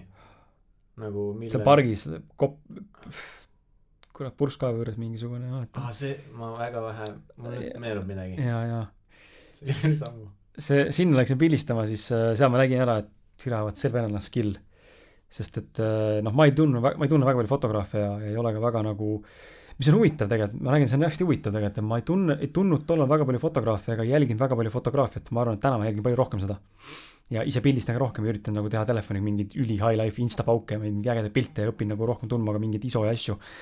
aga ma nägin ära kohe, et sinus on see, mis äh, nagu, et sinust saab fotograaf. Mm, läbi mille? ma ei tea, lihtsalt oli nagu lihtsalt oli teadmine, et ah,. tundus nagu sihuke sujuv asi. no oligi, tundus praegu, et see on this is your fucking your way, that's your journey, et ma nägin ära see kohe, et praegu on nagu struggle. töötad Sportlandis ja ei ole kliente ja alles mm -hmm. tõestad ennast ja alles ehitad ennast ja õpid alles ja teed vigu ja. aga samas su fotod ja sinu suhtumine ja sinu see nagu mingi sinu see nagu objektiivi silm Silveril oli nagu kuidagi ma nägin ära, et that's the shit. see vend tuleb läbi mingi aeg. ja siis ma mingi aeg lõpuks, kui ma nägin ka, et Äh, ma ei mäleta, millal ma nägin seda, mis, mis need esimesed suuremad läbilöömised olid, mis ma vaatasin, et oh sa raisk, et üle, ülikõva lihtsalt, nagu fucking äge. Äh, mul ei tule praegu meelde, aga mul tuleb meelde need Idase projektid, eks ole, mingid, millest me rääkinud oleme mm. -hmm. ja siis äh, noh, see minu enda raamatuprojekt, millega sai, sai ka mingil määral kajastust, aga see ei olnud nagu suur projekt. aga, aga nagu lihtsalt siis ma nägin, nägin mingeid nagu asju, mis nagu nägin, et vau wow,, et fucking ee, vend paugutabki, et lõpuks ometi. noh, ma ei teadnud, mis see rahani pool sul on, kas sul oli siis raha või ei olnud, seda, see, seda ma ei teadnud, eks ole, aga ma nägin, et sa nagu oled teinud mingi mega suure leap. Nagu leap of fate'i, samas nagu hüppe selles suunas, et nagu midagi on arenenud. et äh, see oli nagu, seda oli nagu cool äh,, cool näha. see on huvitav kuulda. selles mõttes, et äh, noh, see kakskümmend kuni kakskümmend viis, see hustle oli nagu päris rets. et noh, palju oli neid lost momente ja mm, noh, ei tea, mis suunas liikuda nagu mul tuleb praegu meelde pildistamine sinuga seal seal, kus need olid, ütle nüüd Äh, vii-, taga äh,, Haavneemes või Rand-, Randeres või, mingid vanad sõjakasarmud, kus sul jalg jäi pori, pori sopa sisse kinni, tost tuli jalast ära. sa läksid mingit spotti otsima mulle. siis astusid mingi sita sisse ja jalg jäi, jalg jäi kinni. olid keset mingit pasamülgast lihtsalt. see on nii häguselt meeles, nii häguselt, oli küll jah terve kets nagu. terve, terve valge kets jäi üleni sita sisse kinni, siis oleks kukkunud peaaegu oma terve kaameraga sinna pikali see on väga haige. aga siis samal ajal tegime pildistuse lõppu, pildistasime ära. mingi urban pilte seal. ja, ja tegime ära pildid ja lõpuks minu mingi roheline pusa ja mida seal otsa veel, käpp peas ja mingi ah, geto, geto freak värk kõva pilt oli seal sees. ja, ja siis äh,, aga näed, sinu determin oli õige, tegid ära ikkagi, vaatamata sellele, et sul sokk oli üleni sitane lihtsalt täitsa haige. aga täna. pildist, pildistamisi on olnud ikka rohkem, kui mul kohe meenu-, meeles on. ja, ja no rannas pildistasid sa minu mm, -hmm. mind ja Liiset ja, ja tegelikult ju ka seda minu, seda sõpra Stefanit seal, seda haiglat enam ei ole ju, vana haiglat ah,. Viimsi, Viimsi, Viimsi vana haigla vist. seal olime kuradi anonymous maskid peas, juba siis me olime rebelid, tahtsime seal maailma vallutada. et äh, igast, igast asju on olnud ja muidugi ja, aga täna sa tegelikult ju liigutad ikkagi suuremaid mägesid, et äh, ma siin kodukalt vaatasin, et sa olid isegi Für Roxana ehk Nubluga koostööd teinud ja ja, ja seal Xeniaga ja tegelikult äh, äkki räägi, kellega sa oled koostööd, mis on need suuremad brändid, millega sa oled täna kokku sattunud kuidagi ja, ja ja võib-olla ka, mis need on sulle õpetanud mm.? Äh, jah, olen väga tänulik. Äh, on olnud palju projekte, mis on olnud väga lahedad ja, ja nagu loominguliselt väga mitmel nii-öelda mm, nagu tasandil siis nagu täitvad või. et ähm, väga lahedad projektid on olnud Universal Musicuga mm,, mitme muusikuga. üks esimesi oli Jüri Pootsmani albumi loomine koos Felix Laasmäega see tuli sul ise potsatas uksele või sa läksid koputasid? see oli jälle niimoodi, et äh, et kui ma õigesti mäletan, siis ma pildistasin Jürit äh, Mannala Roosas äkki kaks tuhat kuusteist või viisteist, puhtalt enda initsiatiivil, sooviga temaga tutvuda ja mm -hmm. temast fotosid luua. ehk siis esimene pildistamine lõi sideme temaga ja siis äh, tema tolleaegne mänedžer äh, ma ei mäleta, kas ma sain Jüri käest selle info, et mul tuleb album või oli see tema mänedžeri käest, aga igal juhul mänedžer ütles, et pange kokku visioon ja hinnapakkumine, siis kuidas te looksite uue selle, terve uue albumi kujunduse ja vino-, vinüüli kujunduse, see küll tuli hiljem, aga ja siis ähm, panime selle kokku ja noh, seal oli mitu nii-öelda pakkujad, kes seal nagu olid, aga õnneks äh, see läks läbi suure rõõmuga, et see oli üks äh, väga ägedaid projekte, kus sai väga loominguliselt läheneda mm.. väga ägedaid projekte on olnud äh, Nike'i, Adidase jaoks Gildi jaoks Denim Dreami jaoks ähm,. mis veel mm,? jah, sain kutse sinna Nublu võttele, mis oli ääretult lahe, viis päeva Narvas aga olidki ainuke nii-öelda nagu fotograaf või seal oli veel keegi, kes oli pundi võetud või mismoodi see veel nägi? ja miks just sina kas sa põhjendasid ka ei põhjendada? mm.. jah, Marta Vaarik helistas mulle, ta küsis, et kas ma oleksin, olen saadaval ja kas ma sooviksin seda teha. see tundus nagu väga huvitav äh, ülesanne ja noh, väga loov, loov seltskond. et ähm, ma olin seal setil olin jah, noh, selles mõttes nagu mm, ainuke, kes tegi nii-öelda pilte seal, noh, muud tegid ikka filmikatega pilte ja mm, midagi nagu enda lisa, endale lisaks nagu, aga pigem olin ainuke jah mm.. kuidas äh, Nublu inimesena? äh,? väga, väga, väga chill vend selles mõttes, et äh, mäletan, kui võte oli läbi, sõitsime Circle K-sse ja siis talle see lugu mängis, kui me olime seal poes nagu raadios Mhm. ja siis ta ostis samal ajal nagu mingit asja nagu sealt äh, leti tagant ja siis see oli päris süür moment nagu. noh, et inimene ei saa aru, et, et Circle K-s on Nublu, kelle laul just mängib nagu ja et sellest tuli naljakas hetk nagu. ja noh, tema jaoks oli see muidugi tavaline, aga aga väga, väga lahe tüüp, mängis meile mussi, mis polnud avalikustatud ja ja väga lahe kogemus nagu. kas ta, mind täiega huvitab nagu selles mõttes, kas ta inimesena ma ei tea, palju sa rääkida saad, võib-olla sul mingi leping, et ei saa üldse rääkida, aga aga nagu kas ta on inimesena keegi teine, kes ta oma muusikas on või ta päriselt ongi selline, nagu ta on? noh, tal on imago loodud, ma saan aru, tal on imago, ta mängib mingit asja, suusaprillid ja mingid riided ja kõik see otsa, aga inimesena, kuidas see laulu lüürika, kas ta ongi sihuke sihuke chill meelelahutuslik inimene pigem on tema, on ta ikkagi mingi sügav inimene, kes lihtsalt läheb nagu sügavus läheb peituse laulu ajaks või kuidas see nagu on, sest et laulus on näha, et seal nagu ta vihjab mingitele asjadele, mis tegelikult nagu noh, räägib elust päriselt, aga tal on see meelelahutuslik twist juures, aga mis ta, mis ta inimesena tegelikult on? ma, ma teda nii, nii hästi ei tunne, et saaks sellele ilusti vastata, aga, aga kindlasti on ta, noh, ta on väga sügav ja lüüriline tüüp nagu. Et noh, selles mõttes see lüürika, mis ta ikkagi kirjutab ja mõtleb, on, on, toimib mitmel tasandil ja on väga huvitavalt ja hästi kirjutatud nagu. et ähm, et jah, inimese kohta ma ei oska, ma ei oska sulle Mhm. mm. niimoodi öelda nagu, aga ma üritasin talle saatesse saada ka. küll see hetk, hetk tuleb kindlasti. üritasin saada ta saatesse, ma arvan, üks võib-olla mingi neli-viis kuud tagasi, siis ma sain mänedžerilt äh, lõpuks kuidagi sain vastuse, et, et nad ei vaja sellist väljundit.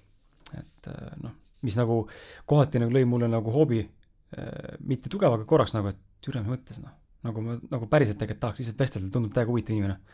ja samas ma sain nagu aru, et tal ei ole seda vaja, aga siis ma hakkasin mõtlema, et aga okei okay,, sul pole vaja, aga nagu no nojah, vot ongi inimesed erinevad, mina nagu täna tunnen, et võib-olla ma ei oleks ma võib-olla ka nii kuulus ja nagu nii, nii suure nagu brändi loonud, et võib-olla ma ka valikuliselt läheks kuskile, et äh, täna mõtlen, keegi kutsub mind, siis isegi kui ma oleks noh, a la ma ei tea noh, mis iganes, siis ma ikkagi läheks. ma olen tegelikult kahtlen praegu nüüd vastuses. tegema, selles mõttes ma saan, ma saan nagu aru, aga kohati nagu mõtlen, et kas tõe-, et, et kas nagu liiga palju on liiga palju või ma ei, ma ei pakkunud isegi, noh, ma ei pakkunud mingit reklaami, ma ütlesin, tule räägime juttu. tema puhul kindlasti vaata neid, kes talle kirjutavad, neid on väga Neid palju. muidugi palju, see on selge, noh. kui ta igale poole ütleks jaa, siis noh, ta muu, muuks eluks ei jääkski aega nagu, et.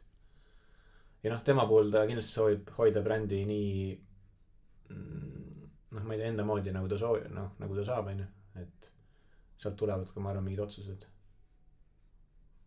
ähm,.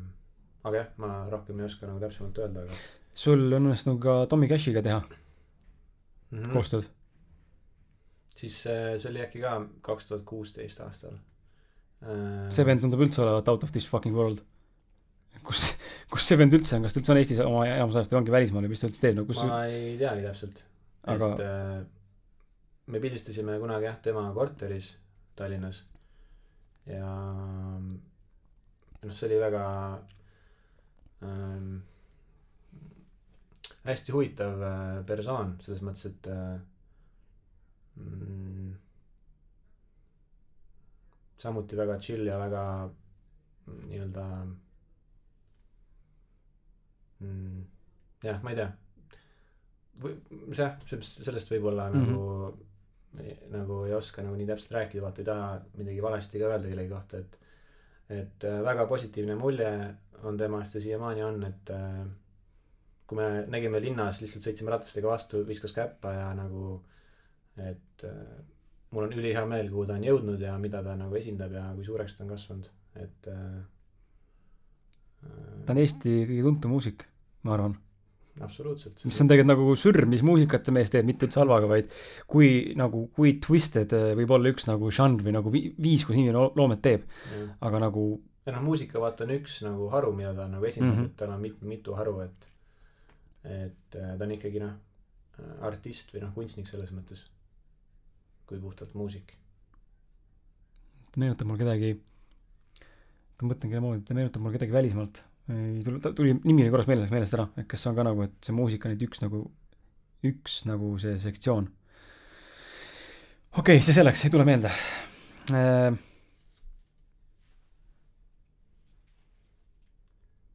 kas on vahepeal mingi mõte tekkinud sul? Mingi küsimus? Jaa. Äh, mitu korda on siin jutt käinud sõpradest ja, ja sõprusest ja meie sõprusest ka, aga räägime siis, et äh, kui olulisel kohal on sinu jaoks äh, sõbrad ja, ja mida on sõprussuhted sulle sinu enda ja elu kohta õpetanud? kui sa peaksid praegu hakkama niimoodi mõtlema, siis mis oleks need paar asja, mis oskad nagu välja tuua? mm. üks Kas- hästi, hästi huvitav tagasiside oli üks mu sõber ütles et äh, noh me teame juba äkki kuus aastat või jah umbes kuus aastat ja siis ta ütles et äh, et ta on pannud tähele et et ma olen muutunud nagu kurvemaks nagu veits mm. -hmm. Seda oli hästi nagu veider kuulda et see oli mm, noh täpselt sellisel ajal ka kus äh, oli vabakutselise nagu aeg ja ma usun et nagu see nii-öelda ebastabiilne elustiil või sihuke teadmatus ja ähm, see kindlasti nagu veits ähm, käis must üle ja kurnas mind nagu. Ja ma usun et see niimoodi ka väljendus lihtsalt see oli huvitav kuulata nagu ühe parima sõbra käest seda et et ta nagu näeb seda. Et ma otseselt nagu ei ei tundnud et see päris nii on olnud aga see oli huvitav kuulda jah et ta nagu et ta nii ütles. Tead, et äh, kui sa praegu ütled seda, siis ma pean, ma pean äh, võtma kinni ja tunnistama sama asja. päriselt? Jaa, aga mitte, aga see ei ole üldse negatiivne nagu selles mõttes, mm, et ma tunnen, see sõna kurb võib olla vale. Jah. ma võib-olla ütleksin, et äh, ka tõsisem on vale, mm, ka emotsioonitum on vale öelda, aga nagu Mm. midagi sellesse lahtrisse sinna nagu, et on näha nagu mingisugune selline ma mõtlen, kuidas, mis see, ma isegi ei tea, mis see õige sõna on. mm, mingisugune selline nagu more grounded või nagu ma ei teagi, mis see õige sõn- termin on, aga seal on tunda, et, et mi, nagu sa oled muutunud. Mm, huvitav noh, seda seda on näha, nagu reaalselt on näha. tunda ei ole, tunda on vale, tunda ei saa öelda, sest et kui sa nalja teed, naeratad, siis, siis ikkagi on nagu sama Silver, aga miski nagu niimoodi vaadates sind lihtsalt on nagu näha, et midagi on nagu muutunud mm. selle seitsme aastaga. või noh, selle ajaga. kindlasti on muutunud palju nagu et noh see see vabakutselise teekond on minu meelest kõige õpetlikum üldse nagu noh see et et sa oled omapäi ja nagu ähm, käid siukest nagu oma seda metsarada et noh sa ei ole seal kunagi varem käinud Mm -hmm. sa ei tea kuhu see viib mis äh, takistused sul seal tee peal on nagu et see on väga jõhker äh, viis kuidas elada et see on hästi hästi õpetlik et noh et ma ei oskagi siis võib-olla praegu kohe nagu tuua neid neid suuri samme või neid õppetunde välja aga aga mul päris pikalt oli selline aspekt et ma ei lasknud endal võib-olla piisavalt palju rõõmu tunda nagu mingil veidral põhjusel ähm, et kogu aeg vaata oli kusagil seal äh, ma ei tea kas polnud nagu piisavalt hästi või polnud piisavalt palju või noh et kogu aeg mõtled seal tulevikus ja ähm, need väiksed võidud mis tee peal tulevad et noh et sa ei tunne neist nagu piisavalt palju rõõmu kuigi mm, või sul justkui pole aega neist tunda rõõmu enda peas Mm -hmm.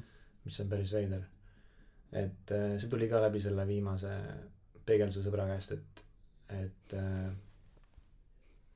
mm, aga jah, see kindlasti loob väga suure selgroo nagu see elustiil ja ja nüüd, kui mul on nagu stabiilsem, siis noh, ma väärtustan seda nagu ääretult mm -hmm. palju. teekond, teekond äh, tippu on üksildane, nagu öeldakse. et noh, jah, ma ei, noh, tahaks, tahaks nagu loota, et see ei ole üksildane, aga mitte selles mõttes üksildane, et sa täiesti üksi oleks, aga mina saan ka sellest niimoodi aru, et nagu journey to the top is fucking lonely, ehk siis on, on hetki, kus inimesed ei mõista sind ja on hetki, kus sa oledki, nagu ütlesidki, tammud seal metsas üksinda enda rada lihtsalt ja keegi ei saagi aru, miks sa seda käid üldse või miks sa nagu teed seda. ainult sina saad aru sellest ja võib-olla ise ka ei saa aru, aga sa lihtsalt usaldad. jaa, see on väga rets ähm,. aga jällegi noh, selles mõttes, et ka ei taha vaata mingit muud rada käia mm, -hmm. et tahad käia seda enda rada. isegi kui see on raske, siis see ei morjenda sind nagu kohati võtad seda raskust kui õppetundi, noh, mis noh, kõik ei pea läbi valu ja raskuse õppima, aga noh, palju me õpime läbi selle, onju. Mhm. et ähm,, et jah, mul on olnud peamine see, et, et oleks progress ja mingi õppimine ja mingi liikumine mingis suunas, et, et ähm, olla lihtsalt nagu suurema silmaringiga ja kuidagi saada paremini aru, mis toimub. et äh, ja enda potentsiaal, enda potentsiaali nii-öelda nägemine või testimine või kuhu see üldse saab viia või noh, et see on ka hästi huvitav valdkond mu jaoks, et et näha üldse, et kuhu sa saad oma selle mõistusega üldse liikuda. et kui sa elad siin kusagil pilvedes, et noh, et ilmselgelt ainult mõtlemisest ei piisa, aga kuhu sa saad sellega nagu liikuda või jõuda välja, et et see on ka asi, mis minu jaoks loob teeb elu väga mänguliseks ja huvitavaks ja põnevaks mm. -hmm. et äh, mitte siukseks vaenulikuks, vaen-, vaenulikuks kohaks, pigem, pigem ma võtan seda kui jah, huvitavat teekonda ja ja jah, nüüd ma kindlasti naudin igat hetke nagu. noh, ma tegin seda ka varasemalt, aga püüan teha seda rohkem praegu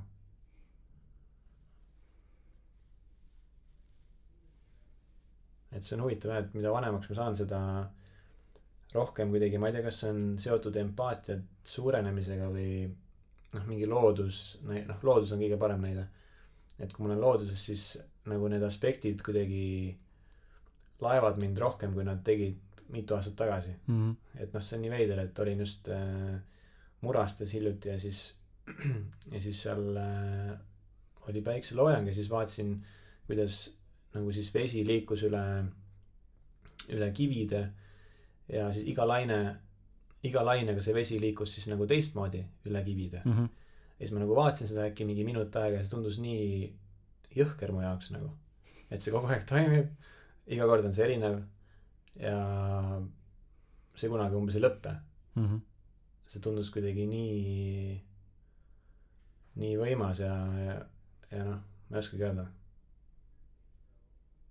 ja noh, jällegi noh, mingid värvid taevas ja äh, mingi tuule hääl ja ma ei tea, kas äh,, ma ei tea, millega see seo-, millega see seostub või miks see nii on. aga see on kõvasti suurenenud, see kuidagi mm, hindamine ja selline väärtustamine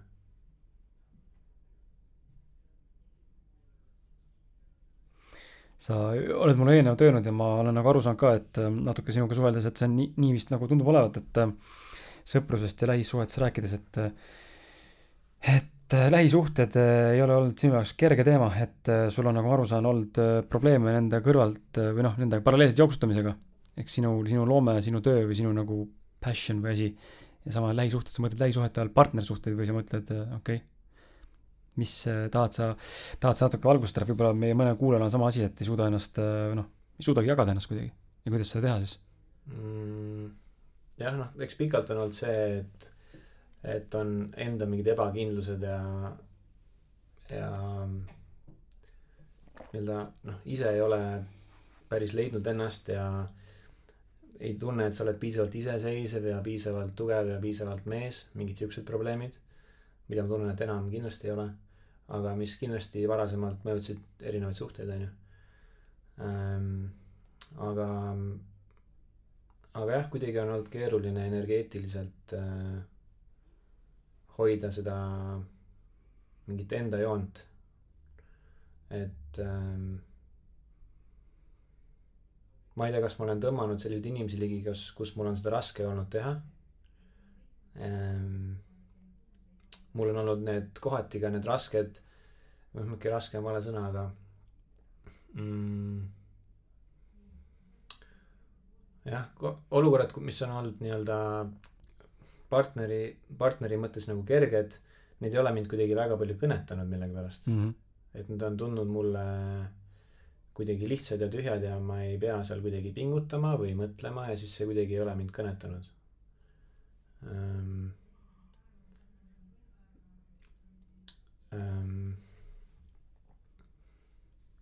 et noh, viimased kogemused on ka möödas juba kolm aastat, et nüüd noh, ma olen palju kasvanud vahepeal ja, ja on tekkinud sihuke noh, väga tugev enda sihuke loomus ja, ja selline olek. aga sealtsamast Andrus oli ta nimi, eks ole mm. -hmm. tema, tema episoodist ma kuulsin teda ja siis noh, ta ütles vaata, et see, et mida me, see, mida me endale räägime, see ka maailmas peegeldub, onju. Mhm. ja siis ma olen viimased kolm aastat rääkinud endale, et, et üksinda umbes on äh, tugevam ja üksinda on kindlam ja üksinda on efektiivsem ja üksinda on nagu noh, mis iganes, kõik positiivsed asjad ja ilmselgelt maailm peegeldab seda mulle. et mul on olnud võimalusi minna nagu paaris suhtesse, aga ma ei ole soovinud seda teha. kuna mul on siis eelnevatest kogemustest mingisugune müür või ettevaatlikkus mm, -hmm. et ma võin seal ära kaduda. Ehm, ja nüüd, olles kakskümmend kaheksa, mm, on mul selle maailmaga mingi segadus. ja kui ma olin kakskümmend alguses, ma mõtlesin, et et noh, et okei okay,, noh, et umbes kõike umbes ei oska, on ju, teed seal mingeid vigu, õpid, noh, nii umbes ei tohi teha. et see läheb aina kergemaks, et äh, hästi hämmastav on olnud nagu jälgida, et see valdkond on olnud, et sellega on tekkinud mingi segadus või mingisugune. et kuidas täpselt seda nii-öelda manageerida mm. -hmm. et äh, mm, et jah, et sellel mul praegu pole täpseid vastuseid või mõtteid, kuidas seda nagu lahendada või edasi minna, et et enda selle loomeenergia ja enda hoidmine on mul prioriteet aga lihtsalt ongi see, et kuidas seda teha siis koos teise inimesega. et äh, sul on, noh, me oleme elanud vaata kohati väga erinevat elu nagu selles paari suhte mõttes mm. -hmm. et äh, kui sina seda juttu kuulad, siis mis mõtted sul tekivad? Äh, ei tekigi eriti väga palju mõtteid, sest ma peaks nagu nägema. või kas sa üldse oskad seda suhestuda või mõista? ja ma oskan suhestuda sellepärast, et äh, võib-olla mm, ma ütlengi niimoodi, et ma oskan suhestuda sellepärast, et äh, ma näen, et minu elus on mingid muud valdkonnad sellised, kus ma ei saa hakkama. nii-öelda. ja ma näen, et meie kõikide eludes on mingi siuksed nagu, mulle tundub, et kas on üks või on paar tükki inimestel, igal inimesel on neid, mis on mingid tuummustrid, millega nad jagelevad põhimõtteliselt kogu aeg. on see raha, mul on raha teema, ma tean, ma näen seda, mul on raha teema konkreetselt mm.. rahapuudus ja, e, e, ja, ja suutmatus raha teenida enda asjaga. aga ära ütle, ära kinnita seda. jaa, ei muidugi, jälle kinnitasin, aga toon ka näite praegu, et mul on nagu, see on minu muster, minu teema, raha teema siin, siin elus. sellest läbi hammustada või sellest lahti lasta mm.. siis ta laheneb ise. ja kindlasti minu füüsiline väljanägemine. et ma olen hästi, ma olen hästi suure alaväärsuskompleksiga tänu sellele, mis lapsepõlves toimus, noh mm., midagi hullu seal ei toimunud, aga lihtsalt meeletu programmeerimine, et sa oled kõhna, peenike ja jõuetu, see on jäänud sisse ja nüüd ma räägin enda lugu, ma olen nii peenike, ma olen nii peenike, ma olen nii peenike, ma olen ülikiire ainevahetusega, kõik see lugu, mis ma räägin talle, see on kestnud siiamaani ja mul on tunne, ma juba tegelikult takistan enda füüsili-, tähendab, enda vaimse mõtlemisega enda füüsilise keha arengut. et kui ma hakkaks täna tegema personaaltreeneriga trenni, ma arvan, ja siis töötaksin normaalselt, teeksin tõesti trenni, mul on niisugune tunne juba, et ja nüüd ma jälle kinnitan, et ma ei arene. see lihtsalt nagu rea-, maailm ei lase, saad aru bioloogia ei lase edasi minna, mis tundub absurd, aga mul on tunne, et ei lase. Mhm. -huh. ja, ja, ja ma arvangi, mulle tundub, et inimestel ongi erinevad äh, asjad, mis neid lihtsalt elus äh, saadavad ja millega nad jagelevad ja mida ürivad, üritavad nii-öelda nagu läbi hammustada. Äh, mitte, et sellega siin konks on selles, et sa ei, sellega ei pea võitlema ega tegelema tegelikult, ma arvan. lihtsalt tuleb lihtsalt lahti lasta kuidagi.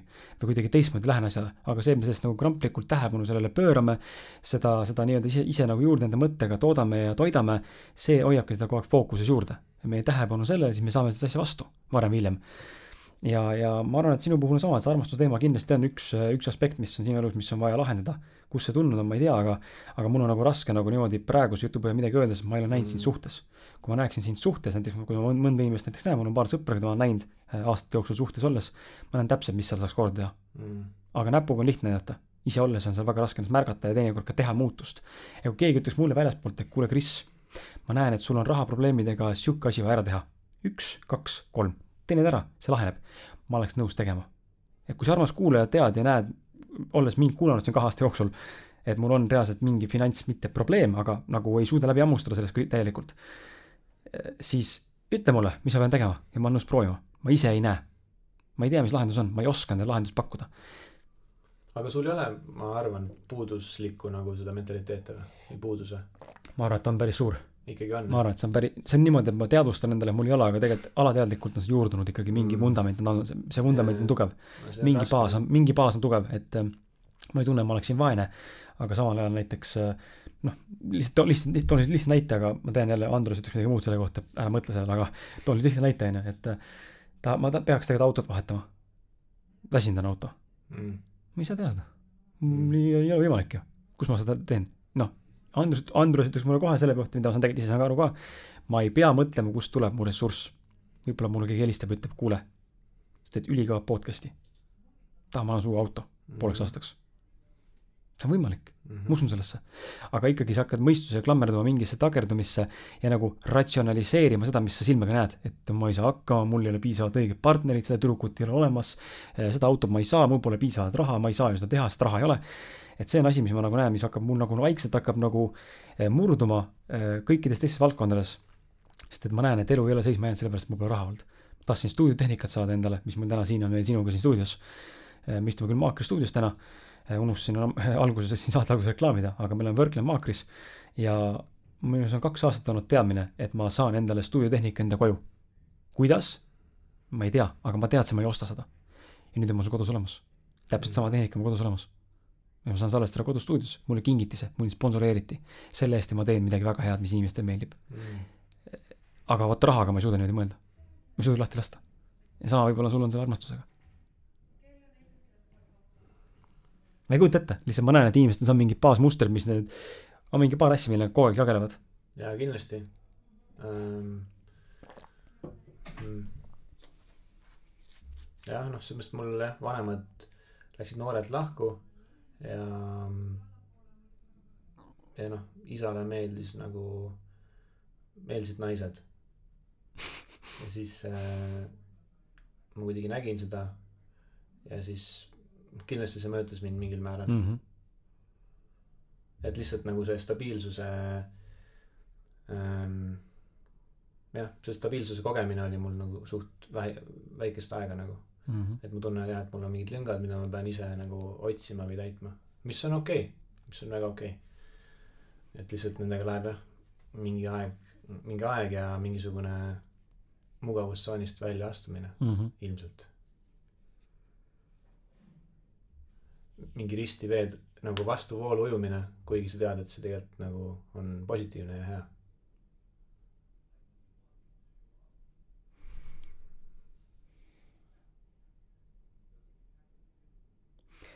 mul on äh, neli küsimust, mis mind veel kõnetavad siit.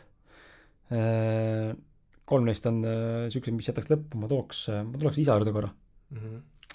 niimoodi põgusalt, me ei pea seal pikalt peatuma, aga, aga mind huvitab just see mindset, mis, mis sinus muutus või mis on nagu muutunud ja mida see sinus ära, äratas või kustutas või mismoodi käitus sul. et ma nüüd ei mäleta, millal see täpselt oli, aga mäletan paar aastat tagasi, kui me sinuga kokku saime, trenni tegime kuskil seal Pirital, korra saime kokku, me elasime Lasnamäel seal, mäletan, see oli vist enne Euroopa reisi natukene. siis äh,, siis ma sain teada, et sul äh,, suri isa ära mm. -hmm. see oli kaks tuhat kuusteist. jah, noh, aa, see oligi kaks tuhat, oota, kaks tuhat ku-, kindel või? Sest kaks tuhat kuusteist detsembris tuli mu raamat välja Mõistma, kes ma olen. see ei saanud olla kaks tuhat kuusteist siis hmm.. või sai või? mõttes me kohtusime võib-olla muul ajal aga äkki me olime ikkagi enne seda raamatu esitust, ühesõnaga ei mäleta ka. aga et äh, kuidas see, ma ei tea, kui lähedased sul suhted isaga olid, minul isa, minu enda isaga näiteks täna ei ole suhted eriti lähedased ja, ja kui ta peaks nagu Mhm. lahkuma siit, eks ma kindlasti olen, ma arvan, ma olen, olen väga kurb löödud. sest et ta on minu jaoks üks, üks suurimaid äh, äh, iidolid ikkagi, eeskujusid, kuigi see võib-olla ei väljendu ja ma võib-olla seda ise ka ei väljenda talle. Mhm. ei oska ja ei taha ja kuidagi meil on konflikt, ühesõnaga sellest ei ole mõtet rääkida pikalt praegu, aga aga just see, et äh, kuidas, kuidas sina nagu sellega toime tulid või, või mis, mis, mis sa oskad nagu inimesest soovitada, kellel võib-olla on sarnane, mitte küll surm, ütleme, aga mingisugune sarnane sihuke suurem põrts, et kuidas tulla sellest nagu üle Mhm. mul enda isaga oli väga hea side nagu, me olime äh, väga head sõbrad juba väiksest äh, saati, et ma mäletan, kui ma käisin isa juures kontoris äh,, esimene töökoht mul oligi isa juures äh, laos, tegin mingeid asju. ja siis ta oli seal ähm, äh, müügidirektor ja siis äh,, siis ma väga imetlesin, kuidas ta inimestega suhtles ja kui äh,, kui nii-öelda mm, sujuvalt ta nii-öelda probleemidega tegeles, mm. noh -hmm. näiteks telefoni otsas. et see inspireeris mind väga ja noh, siiamaani inspireerib, et ta oli väga šarmikas mees.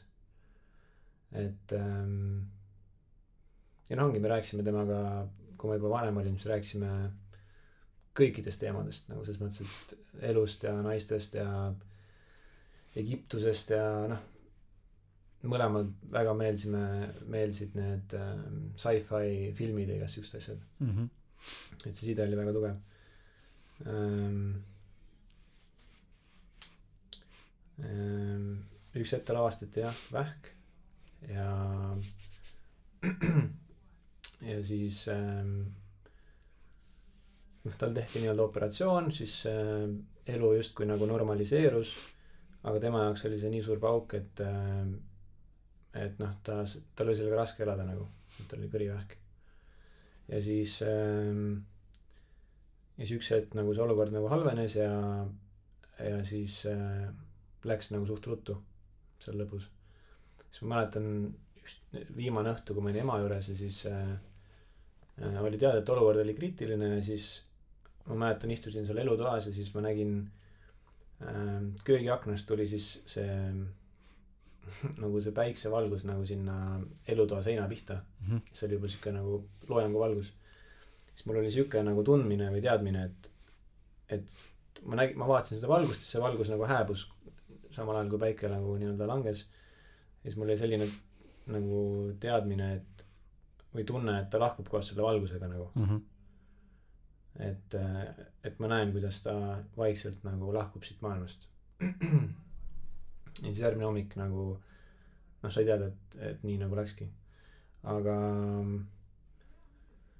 aga jah ta nagu naljakas on nagu mõelda või noh naljakas. et ta tihti mulle ütles et et meile on umbes antud seitsekümmend korda kuidas näha äh, kuidas lehed lähevad nagu õi- õide Mm -hmm. või nagu kevadet nii-öelda et ähm, ja noh nagu näha siis see seitsekümmend korda noh ei ole absoluutselt garanteeritud et äh, et see võib juhtuda märgatavalt varem et äh, kindlasti see oli üks üks aspekt mis pani väärtustama elu nagu rohkem ja ja üldse neid hetki mis meil nagu on kas üksinda või lähest- lä- lähedastega. Teine suurem aspekt mis äh, mis ma nagu õppisin sellest oli see et äh, et me ise vastutame oma õnne ja rõõmutunde eest. Et äh, kui meil midagi ei toimi kas tööl või suhtes siis meie vastutame selle eest et me peame seda ise muutma. Et ähm, kui on mingisugune suur stress meie elus ja meil on võimalik seda muuta või mingis suunas seda liigutada siis me peame seda tegema sest vastasel juhul võib minna nii nagu läks temal mis on noh Mhm. kõige ekstreem ekstreemsem viis aga mis on väga võimalik et ähm, et see oli päris suur nagu nii-öelda valgustumine valgustumise hetk ma arvan mulle ja ka nii-öelda peretuttavatele et äh, et nii üldse võib minna nagu et see on nii veider et me kuuleme et teistel või kellelgi noh inimestel on vähk ja nii aga kunagi ei arva et see tuleb meie perre Mm -hmm. et see on selline äh, veider asi et üks asi, mis tegi lihtsamaks, on see, tema lahkumise, on see, et ma usun, et me ei ela siin ükskord ja et meie hing on äh, alati olemas mingil moel ja ja ma arvan, et ma näen ja näen teda uuesti nagu mm. -hmm. mingis keskkonnas. et äh, hästi huvitav, me just sõitsime siia stuudiosse ja siis me nägime autot numbriga kolm seitset, et ma mäletan, Kris, kuidas sul selle kolme seitsme asi muidu algas, lihtsalt huvi pärast? ma ei mäleta, kas ma kuskilt vaimsest raamatust lugesin vist, et äh, see on ähm, vaimsel teekonnal äh, olemise märk. okei okay.. õigel teel. Jaa, õigus jah, mäletan, sa ütlesid, õigel teel. ja siis igal juhul ma kirjutasin isast äh, kodulehele blogipostuse lihtsalt selline mm, tänutäheks või meenutades mm -hmm. isa siis nagu. siis ma mäletan päev enne selle avalikustamist ma nägin autot seitse, seitse, seitse, isa mm.. ja see oli kuidagi väga jõhker märk mu jaoks, et äh, et asjad pole nagu läbi, vaata, mingil, mingil määral. et ma lihtsalt soovin seda uskuda mm. -hmm. Ja et noh, neid olukordi on olnud paar tükki veel, aga, aga jah, praegu ei oskagi rohkem välja tuua sellest. päris huvitav.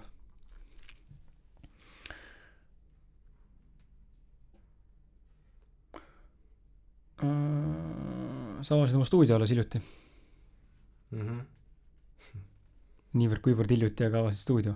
jah, ei ikka hiljuti. mis te teete seal?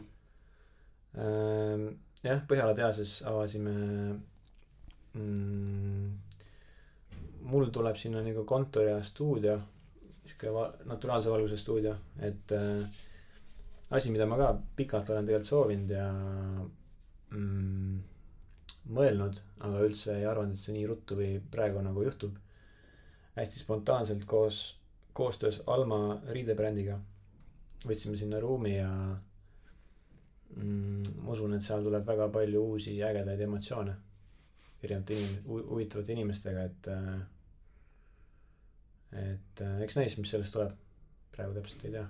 et eesmärk on luua hea positiivne keskkond ja seal nii-öelda teha neid asju edasi, mis ma olen teinud, aga noh, see lihtsalt on üks mm, sihuke oma ruum, kus ta mm -hmm. saab siis lisaks teha. kus sind äh, meie kuulajad leida võivad, kui nad tahavad näiteks fotograafia teenust endale osta või tellida või kus sind, äh, kus sind jälgida saab? Ähm, kõige lihtsam võib-olla on Instagramist äh, Silver Mikiver mind leida, ma olen seal Zorroga Silver, kaks R-i ja silvermikiver.com et seal peaks saama kõik info ja mis ma, mis ma teinud ja mis ma teinud olen. ja mis, mis sa tahad lõpetuseks äh, jagada? Et kas sul on midagi, mis sa tahaksid veel öelda meie kuulajatele, midagi, mis jäi ütlemata või midagi, mis äh, jäi mul küsimata, mainimata või lihtsalt midagi, mis on südamel, mis tahad nagu nii-öelda ära pihta, et siin on sihuke mõnus piikamber, et äh, paavsti siin, paavsti küll siin ei ole, aga mm.? tahab midagi soovitada äkki või ma ei tea, lõpusõnad sulle. muidugi olen pannud tähele, et paljud, noh just nooremad äh,,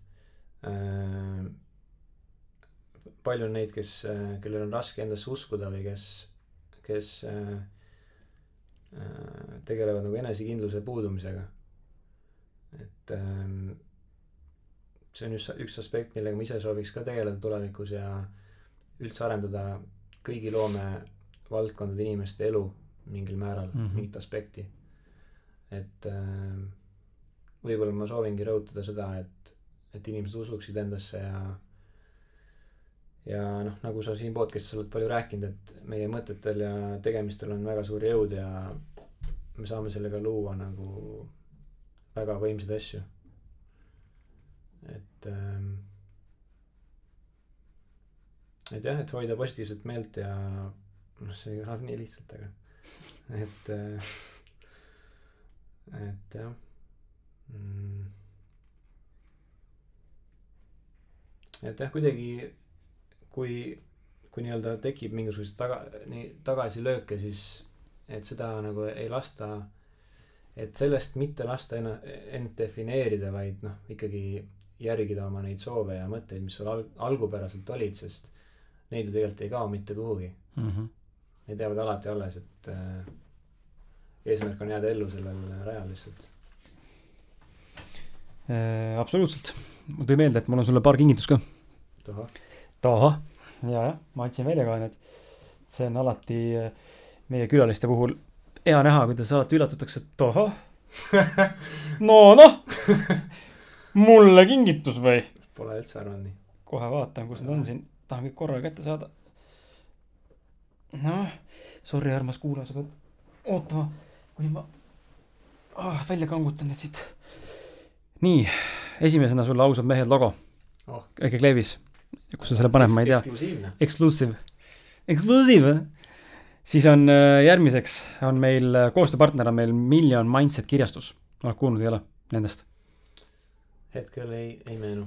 selge, Million Mindset kirjastus on põhimõtteliselt äh, Eesti väike sihuke kirjastus, kes kirjastab ja tõlgib eesti keeles klassikuid nagu Grant Cardone'i, Napoleon Hilli mm. ja nii edasi ja Gary Vee näiteks raamatud mingid. mm.. Ja siit on sulle siis äh, mõned, mõned raamatud äh, kingituseks ka, et äh, Grant Cardone'i miljonäri taskuraamat Kuidas saada ülirikkaks, sihuke väike pocket book. Wow. Grant Cardone on siis, teda palju ei tea, aga ma tean, et tegutseb kinnisvarasektoris ja on üks multimiljardär, kes on endine mingisugune mis iganes vangi, pätt ja narkomaan kes iganes veel, et ta on mingi sürvend. ja siis on mul teine raamat sulle, Simon Sineki oma siis äh, raamat nimega Esmalt küsi miks, start with why Oh,, kuidas edukad inimesed ennast ja teisi tegudel inspireerivad. ja siin on väike pühendus sulle sisse kirjutatud ka minu enda poolt Wow. et äh, aitäh sulle selle. ja siis viimasena on mul sulle pakkuda ka veel, mitte pakkuda, vaid sul ei ole valikut, siis võtad ja lähed. et on riideskotid.ee on meie sponsor ja, ja ma annan sulle ausad mehed logodega Recycled ostukoti, mm.. saad sellega shoppama minna. väga lahe. suur aitäh sulle, mees. jep, ma olen üldse väga tänulik äh, sellest, mida sa teed ja noh, ma tean, et sa oled puudutanud väga paljude elusid selle saatega ja, ja jaganud väga palju väärtust, seda ka mulle. et äh, suur respekt sulle. et sa Aitäh. seda teed aitäh, jätkame, jätkame ühisel rajal. ja aitäh, et kutsusid. aitäh, et tulid. ja armas kuulaja, sulle ka aitäh, et sa meid lõpuni kuulasid, tund nelikümmend on täis tiksunud. Ja minu meelest sai üle pika aja üks väga-väga deep saade, ma ei mäleta, kellega ma nii sügavalt oleks viimati rääkinud siin saates. tõesti ei mäleta. no Elvis oli siin nüüd paar saadet tagasi, aga, aga äh, ma mõtlen just seda, et äh, kes nendest teistest külalistest veel olnud on, praegu ei tulegi meelde, kellega sa oled sihuke hästi sihuke mõnus sujuv deep flow.